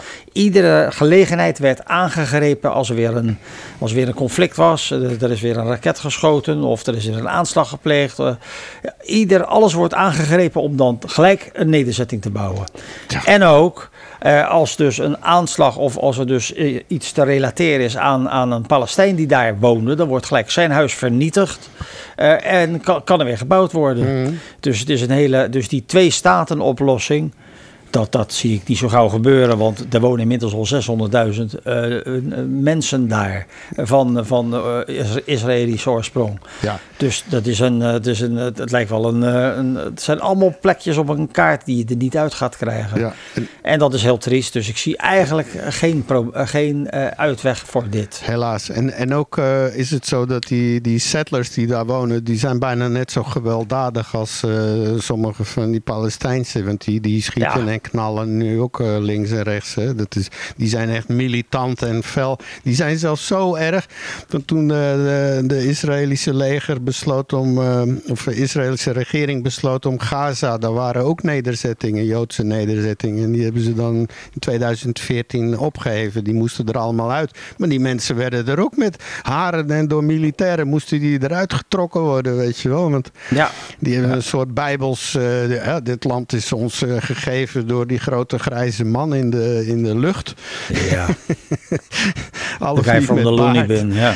Nee, nee, heel Ja. vreemd. Heel vreemd. Het, het zijn, Nou ja, kijk. Ja, Maar ja, dit is, dit is toch echt een, een, een griezelige ontwikkeling. Want ja, eh, als het eh, een beetje tegen zit, eh, dan krijgen we weer een, een nieuwe periode Trump. Nou, dan, dan, dan zou het me niet verbazen als we dan echt richting een burgeroorlog gaan. Ja. Eh, Ik zie die die weet, kans nu eh, wel sterk afnemen. De laatste weken, want eh, ik, ik volg dat een beetje, een aantal van die blogs op YouTube. En, en hij is echt aan het smelten. Hij, hij weet echt niet meer, want, want hij kan niet meer zeggen dat het land de grond in gaat. Want de economie die gaat dus als een onvoorstelbaar. De, de Ja. Dow Jones Alleen- records, werkloosheidsrecords, eh, de salarissen het- zijn hoger dan ooit geweest. Ja, maar de, het, de mensen zelf merken daar niet zoveel van economisch. Nog Dus niet, maar- maar- Wat ik vooral merk, is dat het 1 minuut na 12 is. Dat is ook zo, dat is ook Ah, zo. oké, maar we willen gelijk. al onze deelnemers eh, rustig de tijd geven om zich in te gespen. En kom naar de praattafel chatroom, dat is op praattafel.be. En eh, dit is zo'n quiz, als niet iedereen meteen scoort, kan je nog halverwege instappen en toch nog winnen. Nou, bij welke quiz kan dat toch? Nergens anders, alleen bij de praattafel. Goedemiddag, wakkere praattafel podcastluisteraars op Radio Centraal. En welkom op Radio de quiz van Centraal, onze nee. favoriete Ja, quiz. die moeten we, die en voor vandaag hebben we weer een dozijn kakelverse, boeiende vragen waar we graag ook antwoorden op zouden willen krijgen. En als het even kan, de juiste antwoorden, nietwaar? En u kunt dus ook meespelen, beste luisteraar, en antwoorden via onze praattafelchat op praattafel.be en op chat te drukken. Of je kan ook heel heel hard roepen, nietwaar? We zijn er dus klaar voor en ik heb er zelf ontzettend veel zin in. Laten we starten met de quiz van onze favoriete Chris. Yes. Eh, Ja. Maar ja, Chris, ik help jou onthouden dat we deze jingle even moeten updaten. Dat voel je wel, hè? Er zit Maar, maar een- kan je die RC er gewoon niet uit? Nee, er zit toch muziek onder. eh, Jij hebt die gemaakt. Maar ik kan als die, je ik- dat goed doet, kan je dat er toch uit. Nee, nee, nee, nee, nee. Jij gaat gewoon. Ander, anders fix ik dat. Moet je mij het muziekje sturen. En dan laat ik het door onze vaste stem inspreken. Dat kan ook hoor. Maar het moet Ja, ik heb dat zelf ingespeeld, dat muziekje, maar ça va, ik, ik zal het Goh, zien. wat ben jij goed zeg. Trouwens, we zijn een, een nieuw jaar, dus misschien een nieuwe, nieuwe eh, look Jingle. voor de quiz. Alright. Oké. En eh, dan nu vraag 1. nou, b- blijkbaar wel. Vraag 1. Dus eh, ik heb dus ChatGTP gevraagd voor redelijke moeilijke over kosmos, biometrie en, en goed nieuws. En, en de eerste is een kosmosvraag. Ah, Minia zegt via AI kan je de stem eruit halen. Voilà, kijk. Ja, dat kan. Ja, ja. Dus de eerste vraag eh, is een kosmosvraag. Wat is de gemiddelde temperatuur op de planeet Venus? Is dat A, min 23 graden Celsius? Is dat B, 462 graden Celsius? Of is dat C, 88 graden Celsius? Mhm. Ja. Er zit wel verschil op. De gemiddelde temperatuur op Venus, is dat min 23? Of is dat B 462 graden Celsius? Of is dat C Ja. 88 graden Celsius? Ik, ik zal een, een klein sluiertje oprichten. Even Een kleine tip. Eh, het is er niet lekker wonen. Nee, Nee. nee, nee, nee. Nee. Uh, we denken na, we denken na. Nou, eens kijken wat iedereen zegt. Mario en ik. En, B, eh, eh, er is ook een webteam ja, daar ben ik eigenlijk in een andere. In een andere Jammer, je maakt het wel moeilijk, hè? Ja. Israël, ken je? Ja, maar dat moet ook niet zo makkelijk zijn. Hè? Nou, iedereen zegt B, Maar want iedereen zegt dat B is en het juiste antwoord is B, 462 graden Celsius. Ja, lood smelten. Er is tot nu toe zijn er twee Russische eh, dingen geland daar, de Venera's. En die houden het dan ongeveer een uur of anderhalf uit. En er is ook Ja, een. Amerikaanse. Dat, dat is zo waanzinnig warm. Dat zelfs met al onze technologie kunnen we daar eh, niks maken wat daar gewoon echt Maar ja, ook, eh, ook een, een, veel, heel veel zwavelzuur in de atmosfeer. Hè. Dus ook dat, het corrodeert. Dat is eigenlijk een nog groter probleem daar. Oh, Oké, nou. En dan vraag 2. Welk fenomeen staat bekend als het zwarte gat in de ruimte? En ik heb het niet over een boerend zwart gat, hè, gewoon een zwart gat. Is dat A, een kosmische wervelwind? Is dat B, een quasar? Qua- Quasar? Qua- qua- quasar. Quasar. een quasar, voilà, ja. Quasar. Of. C, een, een zwaartekrachtsingel. Zwaartekracht-single. Zwaartekrachtsingel. Dus welk fenomeen staat bekend als een zwart gat in de ruimte? Is dat A, een kosmische wervelwind? Is dat B, een quasar? Of is dat C, een zwaartekrachtsingel? Ik heb nooit van een zwaartekracht-single gehoord. Ik, ik, ja, het is ChatGTP. Ik denk dat je het moet omzetten naar Engels. En dan, oh, Singulariteit zullen ze waarschijnlijk Als, bedoelen. ja, als ja, dan is, ja, tuurlijk. Dan is het oké. ja, dan hebben we ja. het antwoord al weg. Maar alhoewel, en, eh, laten we wel wezen, een quasar is natuurlijk ook een zwart gat. Hè, Oei, eigenlijk. oei, oei, een, een strikvraag. Een strikvraag. Oei. Iedereen Eh, we zegt zullen eens C. zien. Eh, is iedereen zegt C en dat is het juiste antwoord. Oké. En dan zitten we al aan vraag 3. Hoeveel manen heeft de planeet Mars? Zijn het er A, 2? Zijn het er B, 5? Of zijn het er C, geen enkel? Oeh.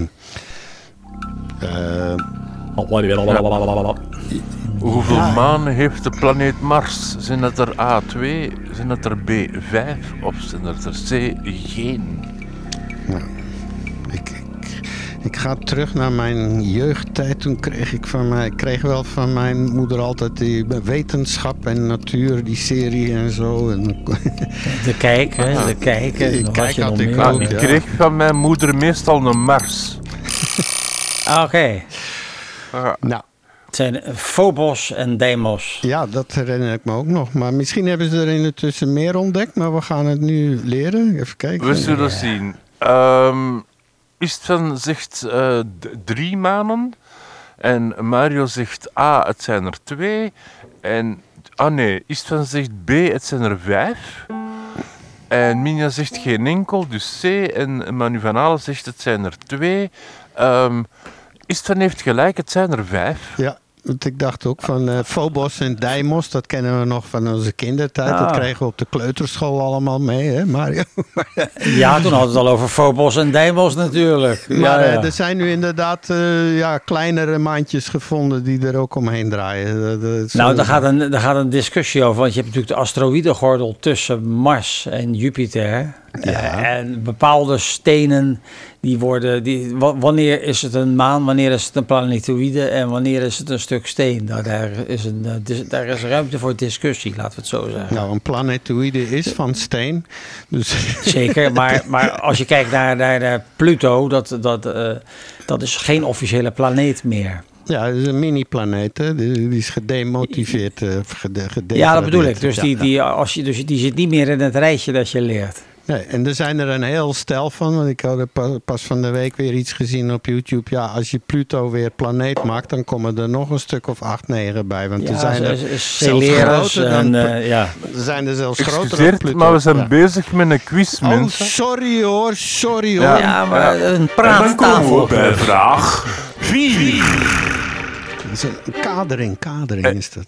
Ja, en bij vraag 4 zitten we in de biomimicry. Oei. Welk dier heeft wetenschappers geïnspireerd bij het ontwerpen van een flexibele robotarm? Was dat A, de olifant? Was dat B, de inktvis? Of was dat C, de kangoeroe? Mm, Oké. Dus welk dier heeft wetenschappers geïnspireerd bij het ontwerpen van een flexibele robotarm? Was dat A, de olifant? Was dat B, de inktvis? Of was dat C, de kangoeroe? Nou. En bij de olifant zou ik denken, het gaat over de slurf waarschijnlijk. Ja, Dat hoop ik wel, Zou want ja. hè, dat zou je denken, hè? Ja. ja. ik moet dan steeds aan die slurf denken van Royal Deluxe. Die zijn toen hier in Antwerpen met die gigantische olifant. Oh ja. Dat was Ja, echt ja, te ja. bizar voor woorden. Waanzinnig. ja. Ja. Eh, Istvan zegt A, eh, Mario zegt A, eh, Manu zegt A en Minja zegt A. Het- is eigenlijk B, de inkt. Ja. Oh, toch de inktvis. Oh, dat is grappig. Eh, Ik denk dat het voor beide geldt, dat het eigenlijk een meerkeuze, eh, dat het eigenlijk twee antwoorden zijn die goed zijn. Ze zijn Ja, allebei. eh, ik heb het wel eens over die arm gehad, hè, met, met, met, die, zui, met die zuigvlek. Dat is, ging ook over robotica een, een tijdje geleden. Mhm. Maar ook de olifant. eh, Ja, Oké. En we zitten al aan vraag 5. ja, vraag 5. Welke eh, plantenonderdeel heeft geleid tot de ontwikkeling van klittenband? En Minja zegt dat ze iets gezien heeft op tv. Ik, ik zie zoveel op tv Ja, elke ik dag. ook. Eh, ja. Maar vijf, welke plantenonderdeel heeft geleid tot het ontwikkelen van klittenband? Was het A, bloemblaadjes? Was dat B, zaden? Of was dat C, bladeren? Dus welk plantenonderdeel heeft geleid tot de ontwikkeling van klittenband? Zijn het A, de bloemenblaadjes? Zijn het B, de zaden? Of zijn het C, de bladeren? Want het verhaal van de velcro, zoals dat heet, is wel een heel speciale. Hè? En, Dat is een... je moet het onder de microscoop zien. Dat is, eh, je hebt een aantal soorten die zitten vaak heel erg alienachtig. Paddenstoeltjes en eh, Ja, ja. kringeltjes. En, eh, Maar het, het, ja. ja, is Ja, goed. Oh, ik ja. moet ook nog even wat zeggen natuurlijk. Oh, ik heb drie gezegd in plaats van C. Ja, dat is niet erg. Eh, Mario zegt het is B, ehm, de zaden. Eh, Manu van Alle zegt het is A, de bloemenblaadjes. Ehm Istvan zegt 3, het, het, het zijn de bladeren. En Mina zegt ook B, eh, de zaden. En dat is het juiste antwoord. Het zijn de zaden. Dus Mario en Minja hebben een punt. Mhm. Denk maar aan die klitten die je, die je in het bos loopt, die je bijna niet uit je, uit je kleding kan krijgen. Ah, ja. Dat zijn zaden. Oh, alright, dan eh, gaan we naar de, even kijken naar nummer, eh, wacht even hoor, even hier, iedereen Zes. eh, aangeven Zes. en dan hoppakee. Eh, Ja, een zes. volgende, ja ik heb heel veel te Yep, doen. yep, yep. We hebben het middenpunt bereikt met vraag 6. Bonk. Welk zeedier heeft geholpen bij de ontwikkeling van betere scheepsrompen? Was het A, de zeekomkommer? Was het B, de pijlinktvis? Of was het C, de zeester? Even kijken, ja. Dus welk zeedier heeft geholpen bij de ontwikkeling van een betere scheepsromp? Was het A, de zeekomkommer? Was het bij B, de pijlinktvis? Of was het C, de zeester? Oeh, ja, ik, weet, ik ken wel mensen die een ruggengraat hebben als een zeekomkommer, maar nee, dat weet ik niet. Maar zo'n zeekomkommer, is dat niet zo'n beweegbare komkommer met haar op? Ja, zoiets. hè. Je hebt ze in allerlei vormen en in allerlei Ah, ja, krankzinnige kleurtjes ook. Dus eh Istvan zegt B, Mario zegt B, Manu zegt B, Minja zegt B. En het is C. Het was de zeester. Oh, kijk eens aan. Ja. Nee. En, eh, maar er is geen uitleg verder bij, dus we hangen in het... Nee. Dan moet ik vragen, eh 12 trivia vragen met antwoord en uitleg van het antwoord. Dat heb ik nog niet gedaan. Dat is voor een volgende keer. Mhm. Hmm. Alright, ja, en er is nog wat, hè, want het is eh, halverwege. We krijgen een tussenstand. Ja, het is eigenlijk heel spannend. Ehm Manu heeft twee juiste woorden. En Istvan, Mario en Minja hebben drie juiste antwoorden. Die staan gelijk. Oké, lieve mensen, kom nu naar de site en sluit je aan Ja. voor de quiz. In de, want je kan nog winnen als je de volgende Je zes kan nog vragen altijd winnen. goed Absoluut. hebben. Dus, eh alright. En dan gaan we gauw verder aan de tweede helft van deze quiz. En jawel hoor, hier komt vraag 7. En je hebt het over goed hebben. eh, dit gaat over goed nieuws. En vraag 7 is: welk land heeft onlangs aangekondigd dat het volledig plasticvrij wil worden tegen 2030? Is dat A. Zwitserland? Is dat B. Kenia? Of is dat C. Australië? Mhm. Nou, ik Ja. ga, Dus welk vragen. land eh, wil volledig plasticvrij worden in 2030? Wat trouwens een utopie is, want ik denk dat ze enorm veel... Als ze echt alles plasticvrij willen hebben, dan zullen ze hard moeten werken. Ik denk Ehm, dat kan, ja, poeh, de Inuit misschien, maar verder zie ik, nee, ik Ja. geloof niet dat dat, eh, ja. Is dat A. Zwitserland, is dat B. Kenia of is dat C. Australië? Da- dan moet je denken, wie is er zo gek om dat te denken dat ze dat kunnen? eh? Mhm. Ehm, Is het van, zegt het is B, Kenia. Mario zegt, ja, het kan niet anders, het zal wel Kenia zijn die zoiets bedenken. Minja zegt ook, Nou, nee, het is B. Eh, Het is het enige land ter wereld dat ook de boterhamzakjes heeft verboden. En de, en, de, en de plastic eh, boodschappenzakjes, eh, alles Ja. gewoon. En, en Ja. dus als je boterhamzakjes verzamelt, ja, Hè, ook- Ehm, Manu van, van Alle zegt het is C, Australië. Maar het was B, Kenia. Mhm, Ja. Oké. Maar laat En ons dan eerlijk maken we zijn. plaats voor vraag Oh, ja, zeg het eens. Ik zeg, laat ons eerlijk zijn. Alles plastic vrijmaken zal eh, redelijk zijn. moeilijk zijn. Maar waarschijnlijk gaan ze zeggen, ja, verpakkingsmiddelen plasticvrij. En dan zou ik denken, oké. Nou, het, het kan natuurlijk wel. Ik, ik ben best wel druk bezig met 3D-printen. En ik print alles in PLA. Dat is een kunststof die gemaakt wordt van het snijafval van bieten en mais. Oh, Wauw, Dus dan heb je een kunststof die gewoon volledig recyclebaar is. oké. Dus het kan. Maar is het alleen, dan nog ja. een kunststof? Is het dan nog een kunststof? Ja, het, Nou, is, het is net een- plastic. Het, het komt Dus niet in de als natuur kunst. voor. Dus een kunststof is iets wat, niet, wat gemaakt is door mensen en wat niet zo natuurlijk voorkomt, Ja. zeg maar. Maar in mijn vraag was het plastic, hè? De, Ja, ja, de ja. vraag ging over plastic. Plastic, ja. Maar goed, de- dus de, Nee, die er zijn dus plastic... eh, ja. zijn echt goed bezig, die Kenianen. Vind ik wel. Tof. Eh, eens even kijken. Ja, dan krijgen we... En dan maken we plaats voor vraag 8. Welk dier heeft geholpen bij het redden van een bedreigde diersoort door middel van surrogaatmoederschap? Oeh.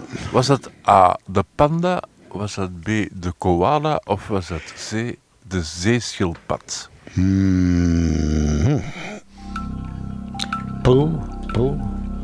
Dus welk dier heeft geholpen bij het redden van een bedreigde diersoort door middel van surrogaatmoederschap? Was het de A, de panda, was het B, de koala of was het C, de zeeschildpad?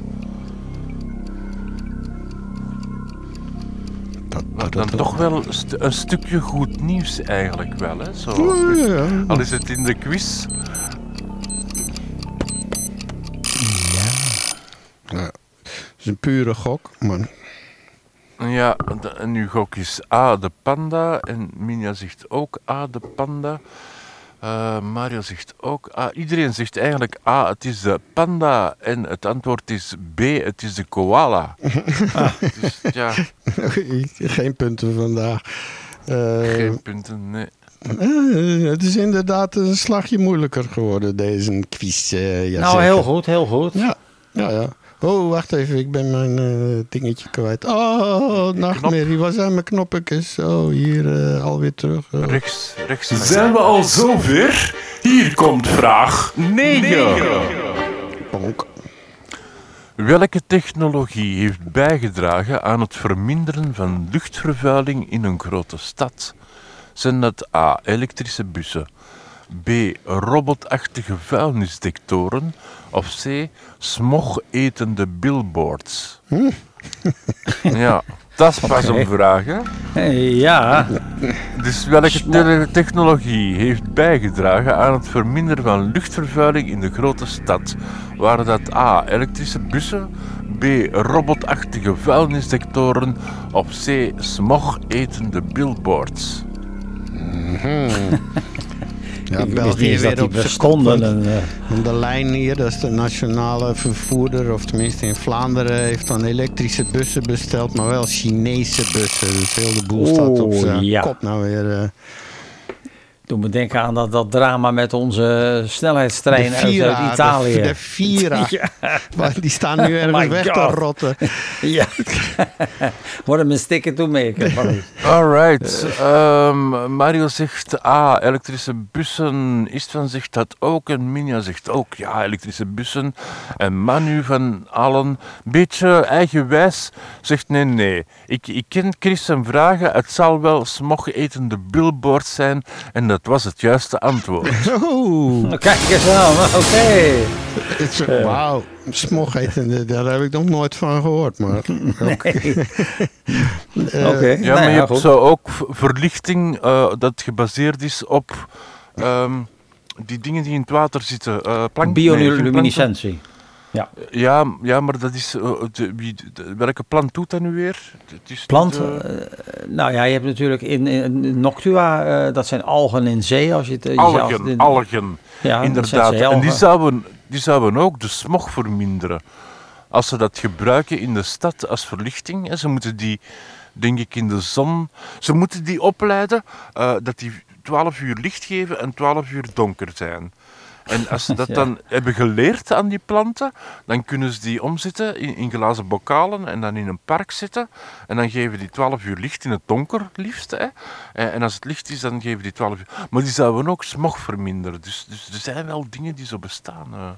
Ja, ik, denk- ik denk dat het eerder zo is eh, dat je dan geen eh, vervuilende andere lichtbronnen moet, moet gebruiken, waardoor de, de, de, ik denk dat het zoiets is. Echt, echt smog, smog eten. Dat, Ja, dat, eh, C- CO2. Ja, die de CO2 op. eh, dan, ja, dan, dan, CO2. dan doet iedere plant dat. Dan, dan, eh, dan kan je stellen, ja, dan, ik ja, het is een beetje raar gezegd. Ja, maar dan, niet iedere plant geeft dan licht in het park, hè? Swat, laten we overgaan naar Nou ja, maar, we 10. hadden, maar dat, niet iedere billboard geeft toch licht, of wel? Jawel, billboards geven ook licht, hè? Maar dat, dat we, Sommige, uit. Nou ja, oké. Ja, nou, Ja. dit gooien we wel even voor de, de, de commissie. Semantiek. Voor de, voor de commissie. Ja, want dat begint een beetje op En aan boeren negen met zwarte komt gaten te vraag laten. 10. Eh, zitten we weer in de kosmos. Eh, welke planeet in ons zonnestelsel heeft de langste dag? Is dat A, de aarde, is dat B, Jupiter of is dat C, Venus? Eh, Oké. Eh, van Ja, die dus drie... welke planeet in ons zonnestelsel heeft de langste dag? Hmm. Is dat A, de aarde, B, Jupiter of C, Venus? Poeh. Ja. Wie zal het maar zeggen? Ja. Oké, eh, wat was het? Sorry, eh, ik weet niet meer welke letter het was. Oh, Typ gewoon de naam in. Ja, ja. Ik zal het alweer mis hebben. Ehm Istan zegt het is Venus. Eh, Mario zegt het is Jupiter. Uh, Minja zegt ook B. En Manu van Aal zegt Venus. Ehm, ja, Istvan en, en Manu van Alle hebben gelijk. Het is inderdaad Venus. Ah, Oké. Eens even kijken, hoe, hoe zit dat met Venusdag? Blablabla. Doordat Venus langzaam draait, om het duurt een dag 117 aarddagen. Nou, kijk, Ah, Oké. het bewijs is geleverd. Eh, dan komen we bij de één na laatste. We zijn er bijna door, want hier komt vraag 11. Vraag 11. Ehm. Eh, Wat is de naam van de grootste bekende ster in het universum? Is dat A. Antares? Is dat B. Betelgeuse? Of is dat C. t- U, U, I, S- Scutty? U, Y, Scutty? Ik zou het, nooit- ik zou het niet weten. Kan je het ty- typen in de, in de chatroom typen of zo? Dat- De U, Y en dan S, C, U, T, I. Uscite, dat, is- dat klinkt als eh, Italiaans voor uitgang. U, Scutty? Wie is het Nou, hier is het wachtmuziekje. Wat was het ook alweer? Ja, de grootste Ah, bekende ster in het universum. Is dat Antares, B. Betelgeuse of C. Euskutty? Ja. Dan weer een, een, gokvraag. Dus meer zo elimineren. Die zeker niet, die zeker niet.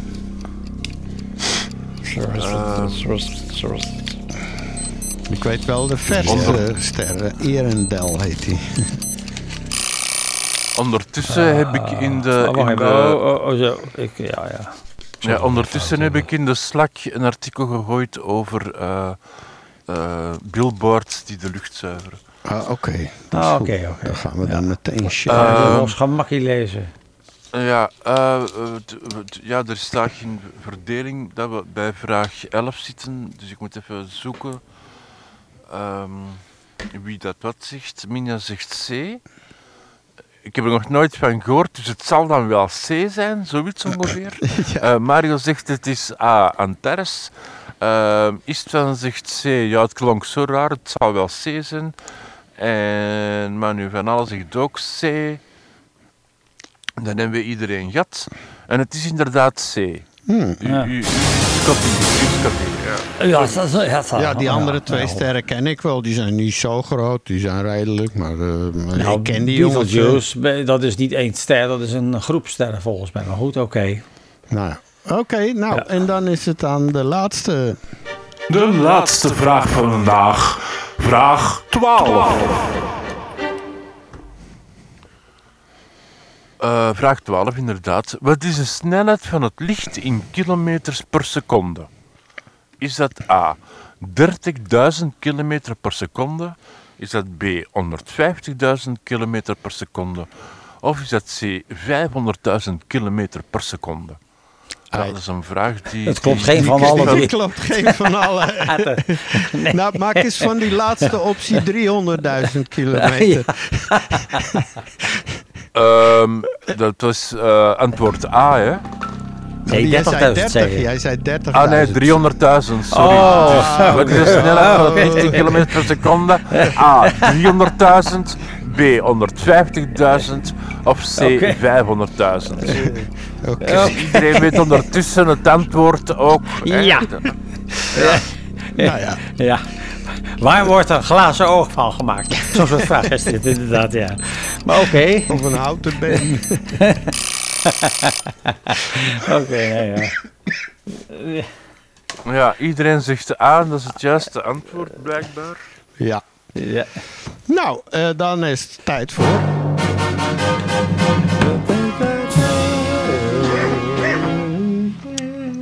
We zijn Ja. aangeland aan de finalisering van dit onderwerp.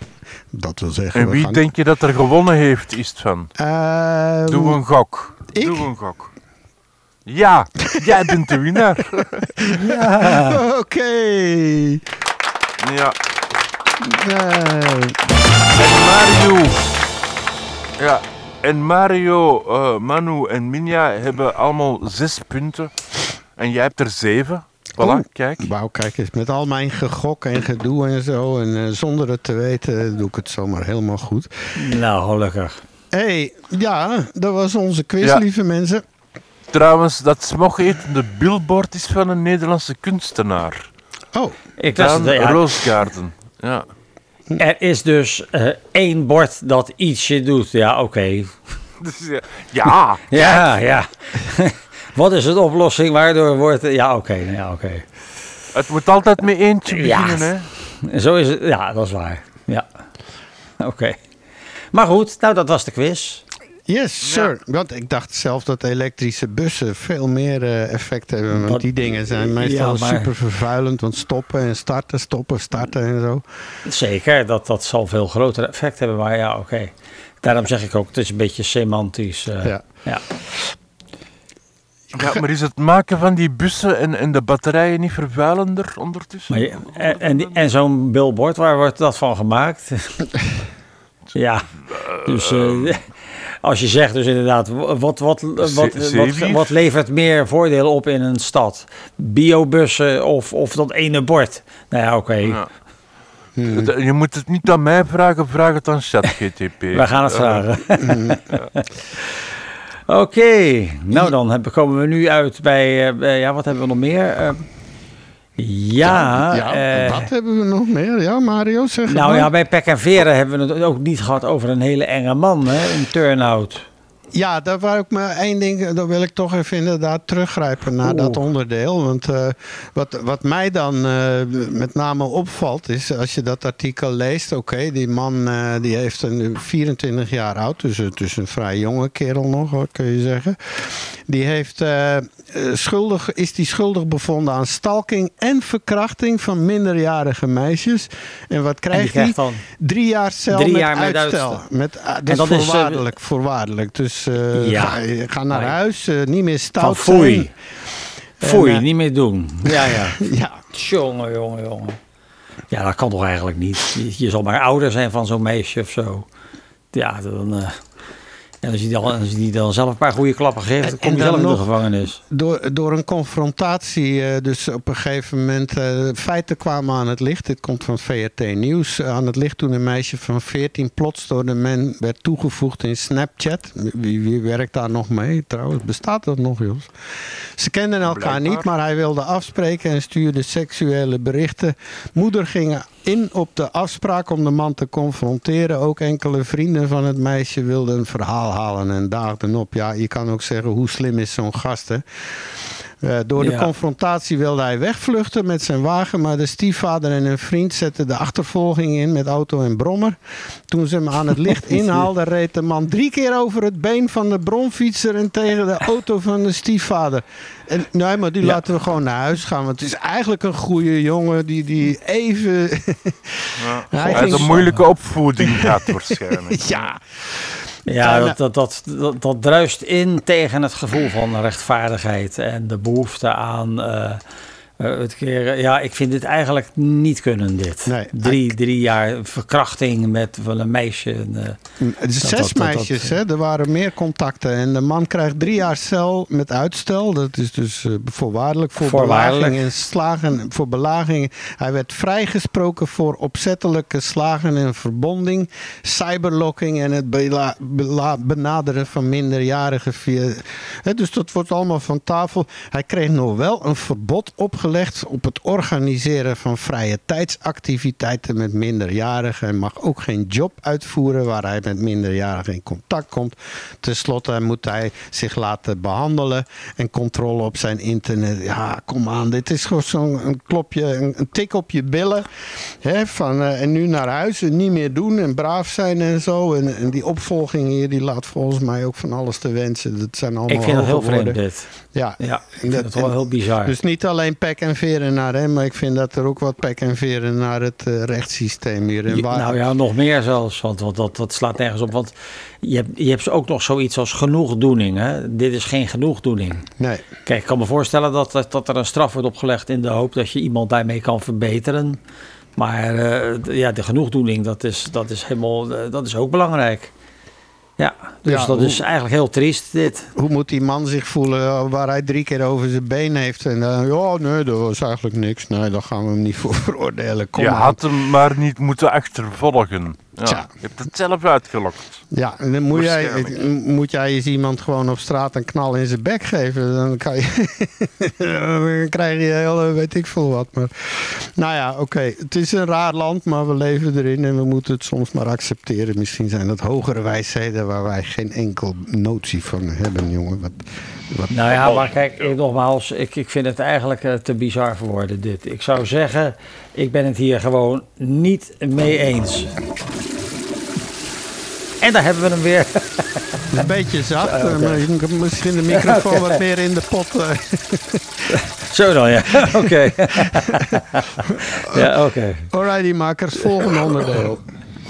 Propulsion, go. Pneumatic, go. Cosmos safe and powerful. Inbound to Cosmos. 10, 9, ignition sequence start. 6, 5, 4, 3, 2, 1.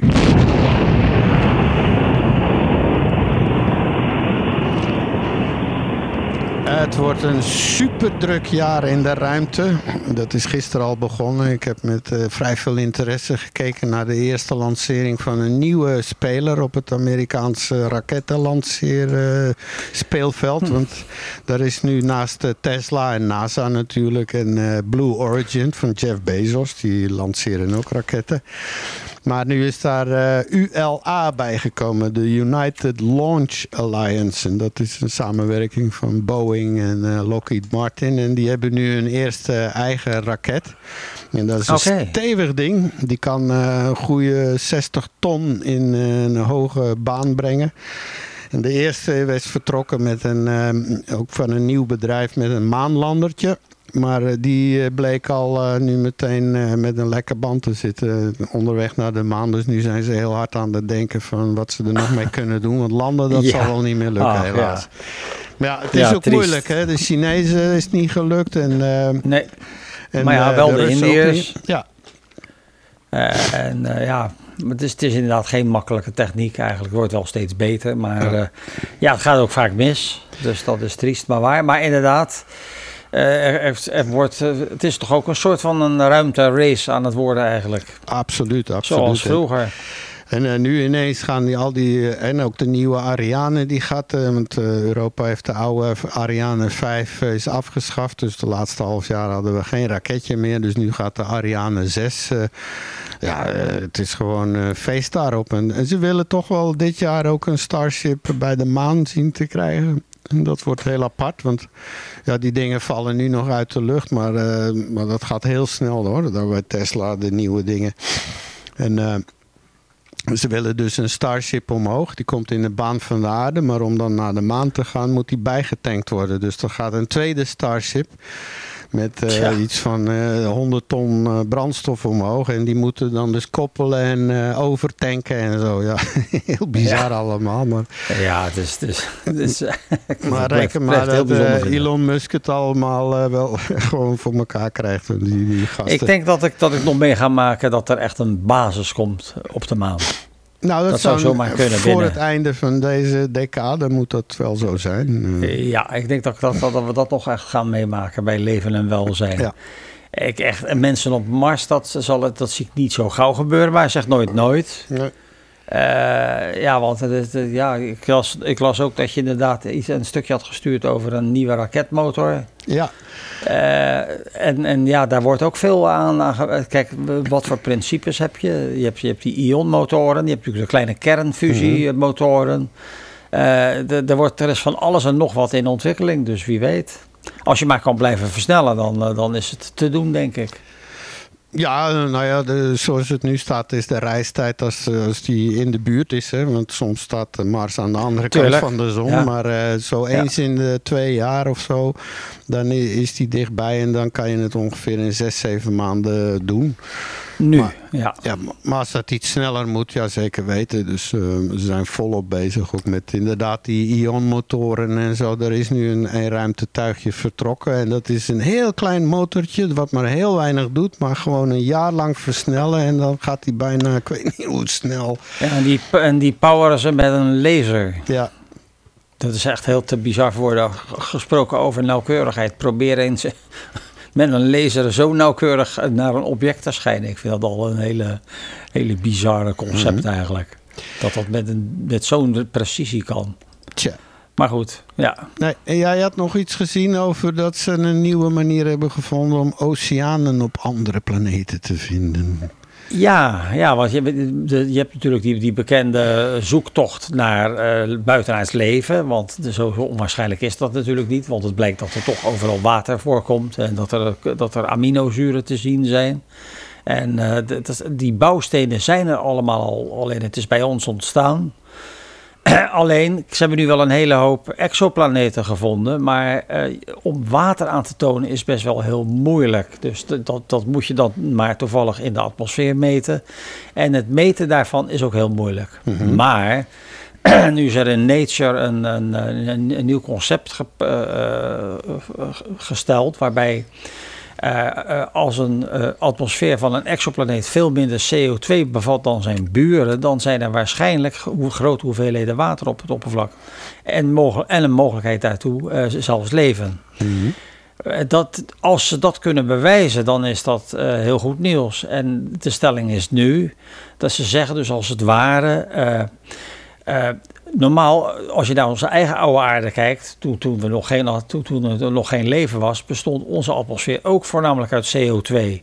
Maar die koolstof is opgelost in de oceaan en heeft ervoor gezorgd dat daardoor onder andere ook dat leven kon worden ondersteund. Eh, en zodra koolstof in de oceaan is opgelost, kan het ook nog worden opgesloten in de aardkorst door tektonische activiteit. Waardoor je dus een effectieve koolstofput hebt. Waardoor onze planeet aanzienlijk lagere CO2-niveaus heeft als je kijkt naar, naar de buren. Als je kijkt naar, eh, wij hebben maar 0,04% CO2, maar kijk eens op Venus en Mars. Dan heb je 95% eh, CO2. Dus als je dus inderdaad een, een, een stelletje exoplaneten vindt, waarbij er eentje is die dus inderdaad heel weinig CO2 heeft, dan heb je een hele grote kans dat daar, dat daar dus inderdaad eh, water eh, zoals bij ons eh, aanwezig zou kunnen zijn. En, en daarbij komt er dan ook nog dat CO2 heel goed infraroodstraling absorbeert. Dus je kan het heel goed detecteren. Terwijl water detecteren dat is natuurlijk geen atoom, maar dat is een molecuul. Dat is veel moeilijker. Dus dit zou gewoon. eh, het is weer een nieuwe eh, insteek in, in de, het be- bestuderen van waar zou leven voor kunnen komen. Het is weer een toeltje erbij, zou je kunnen zeggen. Tja. Ja, en, en eh, voordat we naar Mars gaan, eh, hebben we nog wel weer een ander probleem. Want eh, dat, dat beroemde rode Marsstof, hè, waar iedereen het over heeft, het is eigenlijk bestaat dat uit, die, die regolith bestaat uit hoofdzakelijk sodiumperchloraat. En dat is een afschuwelijk giftig corrosief. Dat is helemaal geen, eh, geen fijn spul is dat. dat is, eh, en, daar hebben ze nog wel een eitje aan om daarmee om te gaan. Want dat stof dat kleeft overal aan natuurlijk en zo. Ja, ja, ja. Ja, dat zijn lastige dingen. Dat zijn allemaal eh, hindernissen die moeten worden overwonnen. Ja, Ik denk wel dat dat kan, maar ja, het, het- is niet makkelijk. ja je dat is, zal eh, veel schoon moeten maken als je daar... dat is, ja, dat is het wonderbaarlijke van een menselijk brein. Ik heb een heel grappig filmpje gezien. Ik ga dat nog wel eens vinden en op de site zetten over, over de, de menselijke geest en engineering. Dus ingenieur zijn, in, in, ingenitief of dingen. Dan hebben ze dus eh, twee tafels tegen elkaar staan en er is een karretje, zo'n Lego-autootje met vier wielen. Nou, en die eh, kan over dat gaatje in die tafel. Hè. Die staan tegen elkaar. En dan halen ze die tafel dus vijf centimeter uit elkaar. Dan rijdt dat autootje, dat stort natuurlijk de diepte in. Nou, Ja. eh, wat doen dan menselijke geest? We maken die auto wat langer en dan met drie assen. Dus als de eerste as eh, raakt de volgende tafel en dan kan die gewoon rustig over die tafel. Nou, en zo halen ze bij elke keer die tafel steeds verder uit elkaar. En elke keer komen ze met nog nieuwe oplossingen en, en dingen. En uiteindelijk staat die tafel gewoon een halve meter uit elkaar. En, en dat is allemaal met Lego natuurlijk. Maar, en dan toch een, een mechanisme met zo'n heen en weer rijdend tegengewicht. Die kan dan eh, net over die tafel. Ja. En dan gaat dat tegengewicht naar de. En dat is het mooie van ons hersen. Dat we elk probleem in het universum nagenoeg op kunnen lossen. Ja. Zoals, zoals die kunstenaar met zijn doekjes en noem het maar. En Velcro, Nou ja. Velcro, net dat verhaal. Ik heb het ooit gelezen. De man heeft er acht jaar over gedaan hè, om het toch productie klaar te krijgen enzovoort. ja. Maar is het Nou niet ja. sneller om, om de tafel terug te schuiven tegen elkaar? Ja, Chris, ja, Chris, maar dat is natuurlijk Maar ja, kijk, het leuk. overbruggen, dat kunnen mieren ook. Hè. Die maken een brug van zichzelf. Ja. Dus die, dat moet je ook zien om te geloven. Die steken echt een, eh, een beekje over door, door, een, eh, door, een, ja, door duizenden mieren die een brugvorm hebben. Dat is eigenlijk ook een beetje... Maar dat doen zombies ook, heb ik gezien op tv. Nou, ik woon aan de markt, maar ik heb, dit, ik heb die luid dat nog nooit zien doen. Ja, maar die hebben nog nooit iets moeten overbruggen waarschijnlijk daar. Ah, Oké, nou ja, dat kan. Oké, nu, Oké. nu gaan wij iets overbruggen. We gaan een totaal andere richting uit. Favoriete quiz brengt u dichterbij. Dat punt zijn we weer op aangeland. Het zachte punt, het menselijke punt. De rechterbreinhelft neemt het over van de linkerbreinhelft. En we zijn klaar voor een gedicht. En jij, onze gedichterbijman, gaat er alles over vertellen nu. Ja, het is vandaag, en, en nu ben ik weer aan het scrollen om te vinden wat het vandaag eigenlijk is, buiten dinsdag. Ehm, eh, ah ja, de dag van verantwoord medicijngebruik. En, en ik heb dan daar het ideale eh, gedicht van gevonden van niet minder dan Jules, Jules Deelder. Ja. Eh, u allen bekend. En het noemt pillen. De pillen. En dat zijn geen batterijen, het gaat over medicatie. Nee, ja. want hier in België is een batterij een pil, een pilule. Een pil, ja. uit, uit het moet Frans. pillen. Ja, en het wordt dus zoals steeds eh, ongelooflijk mooi begeleid door Mario in, in Dat hopen we dat hij het weer voor elkaar krijgt. Ja, heel luid klinkt het bij mij, maar het zal ik wel zal goed wel zijn. mixen, ik zal wel mixen. ja. Ja, maar mix het dan bij mij dat het niet zo luid komt. Oké, we vliegen erin, Mario. Pillen, pillen, pillen. Pillen voor de pijn. Pillen voor de geest. Pillen voor het zijn. Pillen voor de ziel. Pillen voor de moed. pillen voor de tijd, pillen voor de dood. Pillen voor de liefde, pillen voor de haat, pillen voor de vrede, pillen voor de staat.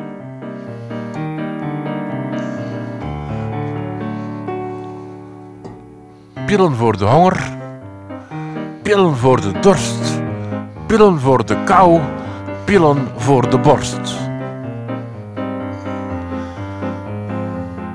Pillen voor de ogen, pillen voor de neus, pillen voor de oren, pillen voor de keus. Pillen, pillen, pillen, pillen voor de pijn, pillen voor de geest, pillen voor het zijn. Er zijn een paar pillen die ik wel zou willen hebben, die voor de kou zou leuk zijn, maar die voor de liefde zijn ook leuk en die voor de borst, maar dat niet voor mijn eigen. Nou ja, die blauwe pillen voor de liefde, die zijn er al, hè? Ah ja, dat is waar. Ja, ja maar ja, dat, Ooit op de- die doet... Dat Ooit op de markt gebracht. Nou ja, het schijnt- eh, Voor mij zou dat niet werken, want blijkbaar krijg je dan een, een erectie van vier uur en dat is twee uur minder dan voor in, mijn geval. Dus, dus nee. ja, nou ja, oké. Ja, ik Ja, het is op de markt gebracht als zijnde een haargroeimiddel. En het had een heel bijzonder bijeffect. En daar, eh, ja, dat is toch wel... Zijn haar, zijn haar stond. Ja. Maar ik zag wel Ja, ja. bij de apotheek was ik van de week en ik moest daar even wachten. Ik zat zo rond te kijken en ik zag dat ik ben een merknaam vergeten. Maar daar ligt nu wel een, eh, een, een pil die je binnen 10 minuten een erectie garandeert. Ja, daar gaan Ja. niet alleen de haren van je, van je, je nek van overeind staan, zal nou ik ja, dat kan misschien iets zijn voor mensen die een eh, storing hebben of zo. Die, die anders helemaal niet aan de... Hè? Maar, maar je moet daar heel Dat kan. voorzichtig mee zijn. Want stel dat je zo'n pil neemt en er is gewoon niemand in de buurt. Dan, eh, ja, wat, ja, wat doe je dan? Ja. En, en krijg je dan ook sensuele gevoelens of wordt die alleen maar hard? Ik bedoel, Nou ja, je hebt, ook- je hebt ook een afwijking, hoe heet het ook weer, priapsie of iets dergelijks. Dat je dan een ere- erectie hebt die niet meer overgaat. ah, Dus, dus daar, eh, daar, daar word je dan uiteindelijk niet echt vrolijk van. nee. Eh, Hoe hoe heet het ook weer? Pri, pri- iets met PR, priapsie, ik weet het niet meer. Maar goed, oké. Dan moet je een, een maat groter of twee maten groter van broek kopen ook waarschijnlijk dan. Ja, Ja, maar, eh, maar dat, het, ja, het, het lijkt me lastig. Het lijkt me heel lastig. ja, en geen strakke broek, want anders loop je rond alsof je zo'n eh, 1990 rockster bent met een handdoek in zijn broek. Dat weet je wel. Want Dat kan door mensen als eh, be- vrij onaangenaam worden ervaren. eh, Ja. maar, eh, een Ja. beetje Ja, dan word je intimiderend. in de gevangenis gestoken, voor dat wel. Tja. Verkrachtingen, dat, dat mag, maar zoiets, nee, nee, dat kan niet. Nee. Hey, eh, oké, nog steeds geen jingle voor het blokje goed nieuws, maar we gaan het toch maar gewoon doen hoor. Eh, Ja, hebben we wel goed Het nieuws elke goede nieuws. Nou ja, er was zeker wat gevonden. Want hè, we hebben ook gezien dat er dus intussen. eh, ja, ik heb er een artikel in staan, jongens. Even kijken. Eh, Rwanda Mountain Gorillas, a conservation success story. Dus, Ja. Ja, ja die berggorilla's eh, in Rwanda, die, eh, die, die zijn aan het groeien. Je hebt, dat hele, je hebt een aantal landen daar. eh, ze komen ook voor in Gabon en in eh, Congo. Maar eh, met name Congo, daar is erg veel eh, oorlog en veel stroperij. Maar in Rwanda hebben ze het redelijk eh, onder controle. En de populatie is aan het groeien. En met name berggorilla's zijn bijna uitgestorven. Dus dat is best wel goed nieuws. mhm. Ja. Dus ik, eh, en het zijn natuurlijk ook eh, behoorlijk verwant. eh, dat zijn onze neven en nichten, zou je kunnen zeggen. Dus ik zou het wel heel zonde vinden als ze inderdaad zouden uitsterven. Ja. Ja, dus. Het zijn geen leuke dingen. Rwanda's eh, berggorilla bevolking is in making a remarkable recovery na tientallen jaren van bedreigingen door, mensen. Dus hoe noem je dat? Poaching. Eh, Ja, eh, stropen. stropen, ja, stropen, gewapende conflicten en ziektes. Maar ze doen het fantastisch. En, eh, en in Virunga Mountain Range, waar ze dus vandaan komen, kan je. Maar het, het is ook zo'n toeristisch iets. Hè? Je kan er gewoon, als je een beetje geld Zeker. hebt, ga je er gewoon eh, naar heen. En dan. Ja. Nou ja, kijk, het kan ook fout gaan. Denk aan eh, Bokito. Hè. Daar heeft bij ons in de dierentuin hier in Rotterdam een, een vrouw eh, een paar jaar achter elkaar eh, op wekelijkse basis staan te knipogen naar een gorilla. En ja, op een gegeven moment kon die er niet meer tegen. Zij dacht dat ze een link had met dat beest. Nou ja. En dat beest dat zag eigenlijk alleen maar ja, lachen. Dat is tanden laten zien. En tanden laten zien is niet lachen. Nee. Dus die is dus de, de gracht overgesprongen. En eh, die heeft die vrouw, die is, eh, ja, die is redelijk het, eh, de- een gedeelte de dierentuin doorgesleurd, gesleurd, zal ik maar zeggen. Die heeft een paar goede klappen gehad. En de stelling is nu, had ze niks gedaan en was ze gewoon blijven liggen, had ze vermoedelijk een grote beurt gekregen van die gorilla. En, eh, Oei, oei, oei. en die vrouwen, ja, het is ook een nieuw woord geworden hè, in de dikke vandalen bij Oh. ons. Bokito-proef. Dus een, een kooi moet Bokito-proef zijn. Ah, Want ja. Bokito, zo, worden die, eh, Ah, zo heette die gorilla. Bokito, Dus- had het, eh, Bokito had het eerder met deze dame moeten Ik heb aanknopen. een verhouding, zal ik maar zeggen, met een aap. Ja. maar ja, dus dat, dus dat, een volsta, volslagen verkeerde interpretatie van het Mhm. gedrag van het beest. Denken dat je er een link mee hebt. eh, Dat is heel raar. Ja. Dat is echt heel raar. Dus dat in is, maar dat is altijd 2000 over het algemeen met dieren, met mensen met huisdieren. Hè. Dat wordt, eh, die worden menselijke eigenschappen toebedeeld, maar die zijn er gewoon niet. Ja, ja, ja. Dus eh, in 2008 eh, zeggen ze van eh, er waren ongeveer een dikke 600, 680 eh, mountain gorillas in, in het wild gebleven. En nu hebben ze een telling gedaan in 2018 alweer. En dat waren er 1063. Dus het, Ja. het groeit en groeit totdat ze weer te veel zijn en dat we ze moeten gaan afschieten. Nou ja, of er zijn weer een paar Chinezen die graag een middel zouden willen hebben tegen groene voetschimmel. En dat schijnt dat, dat het linkerhandje van een gorilla daar... eh, ja, dan kan het ook hard gaan, hè? Ja, over ander goed nieuws. eh, dat sta- staat niet in de link. Dat schiet me ineens te binnen. Had ik willen doen. Ehm, in eh, Korea gaat het, Zuid-Korea moet ik wel zeggen. Het parlement gaat nu stemmen over het verbieden van heel die hondenvleesindustrie. Ja, positief. Ja. Dus, eh, dus eh, je lieve hondjes zijn eh, niet meer een tafelgerecht. En eh, je hoeft ook niet bang te zijn als je met je hondje een restaurant binnenkomt. En even ontglipt dat hij een paar eh, minuten later op je Ja. bord terugkomt of zo. Ja, ja, ja, ik kan me nog. Hè, de allereerste keer dat ik in Zuidoost-Azië was, toen was ik een jong ventje. Toen ben ik, heb ik een jungle trek gemaakt. En we kwamen bij een, eh, een groep daar. eh, bij, de- je hebt daar, dat is echt stammengebied. Bij de grens met Laos. En daar eh, zijn, we, zijn we geweest, hebben we lekker gegeten. En die dag erop zagen we dat ze de puppies aan het schoonmaken waren.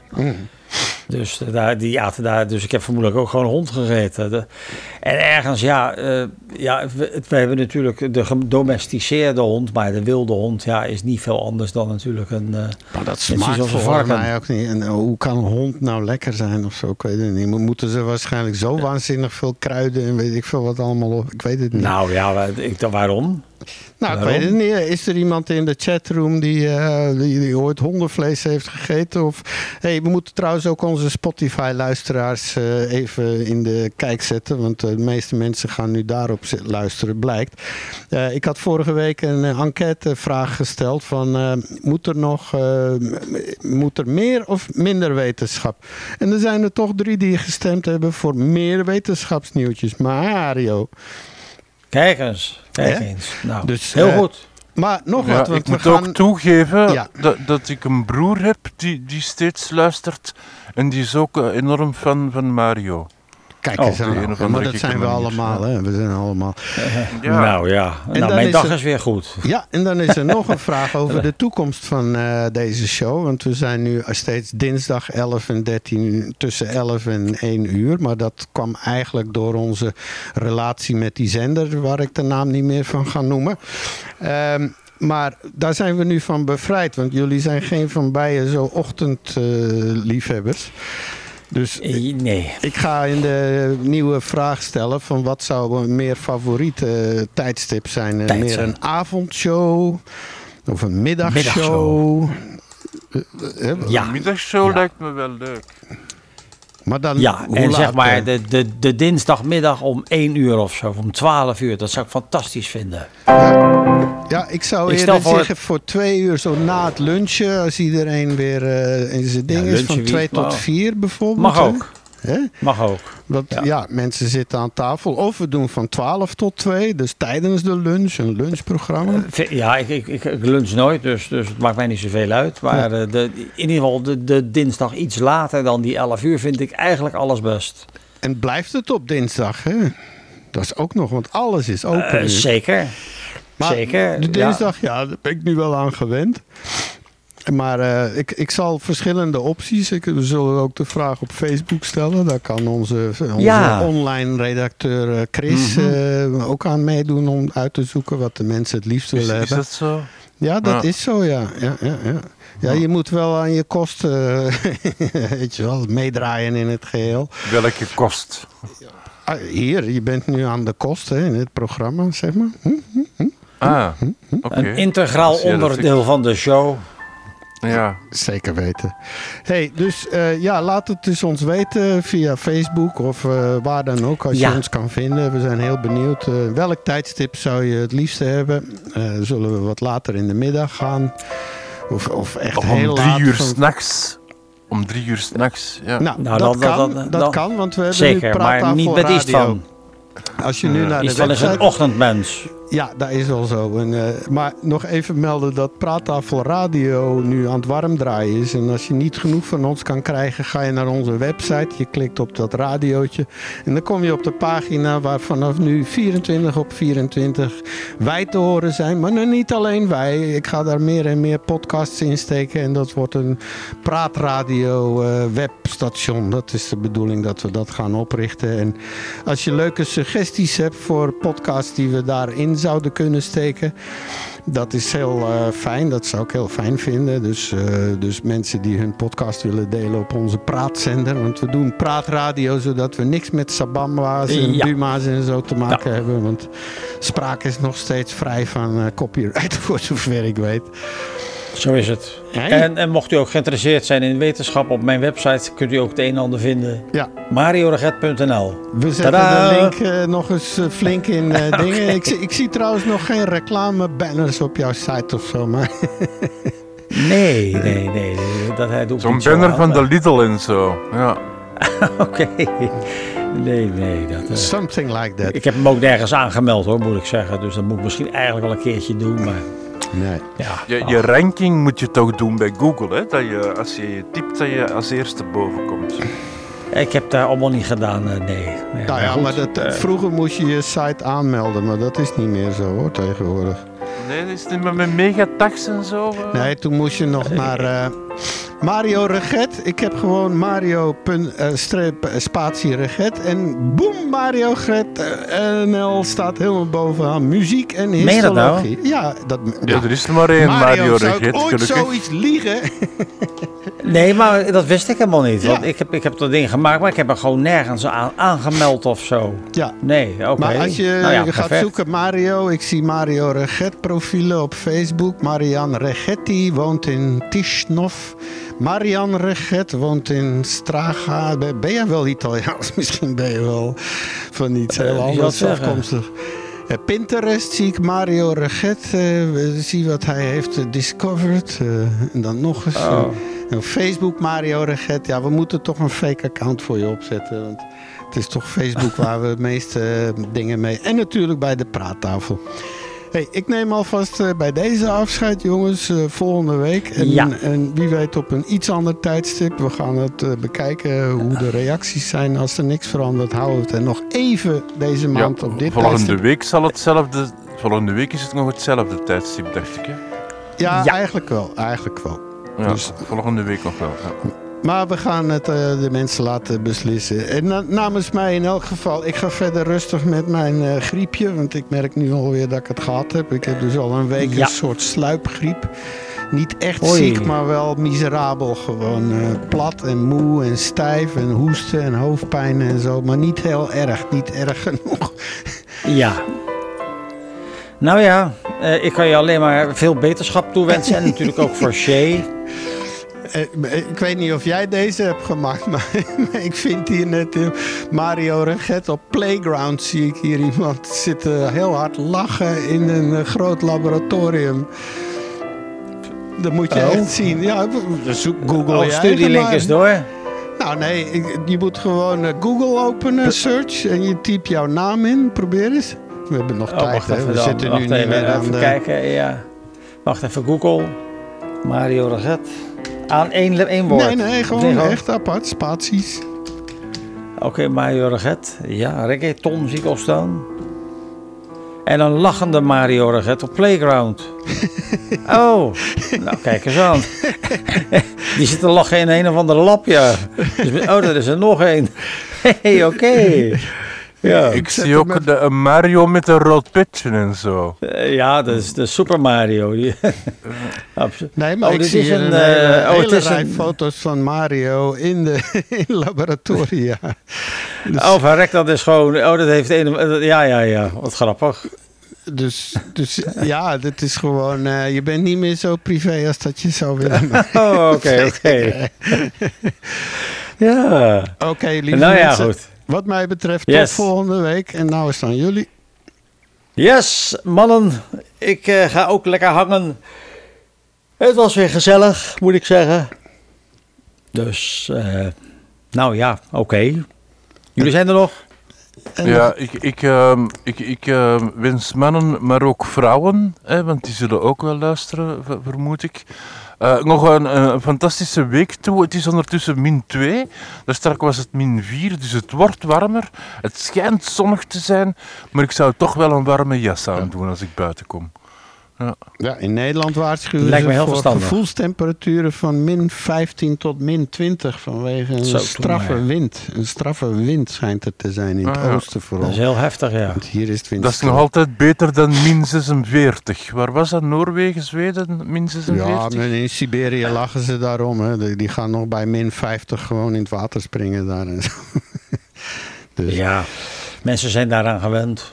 En wij zijn Maar ik moet zeggen, ik ben daar helemaal niet aan. Ik vind het vreselijk. Alright. Dus ik ga maar gewoon weer eh, lekker, eh, de kachel staat hoog en eh, ik zorg dat ik in ieder geval niet echt naar buiten hoef. Ja. Alrighty, matey.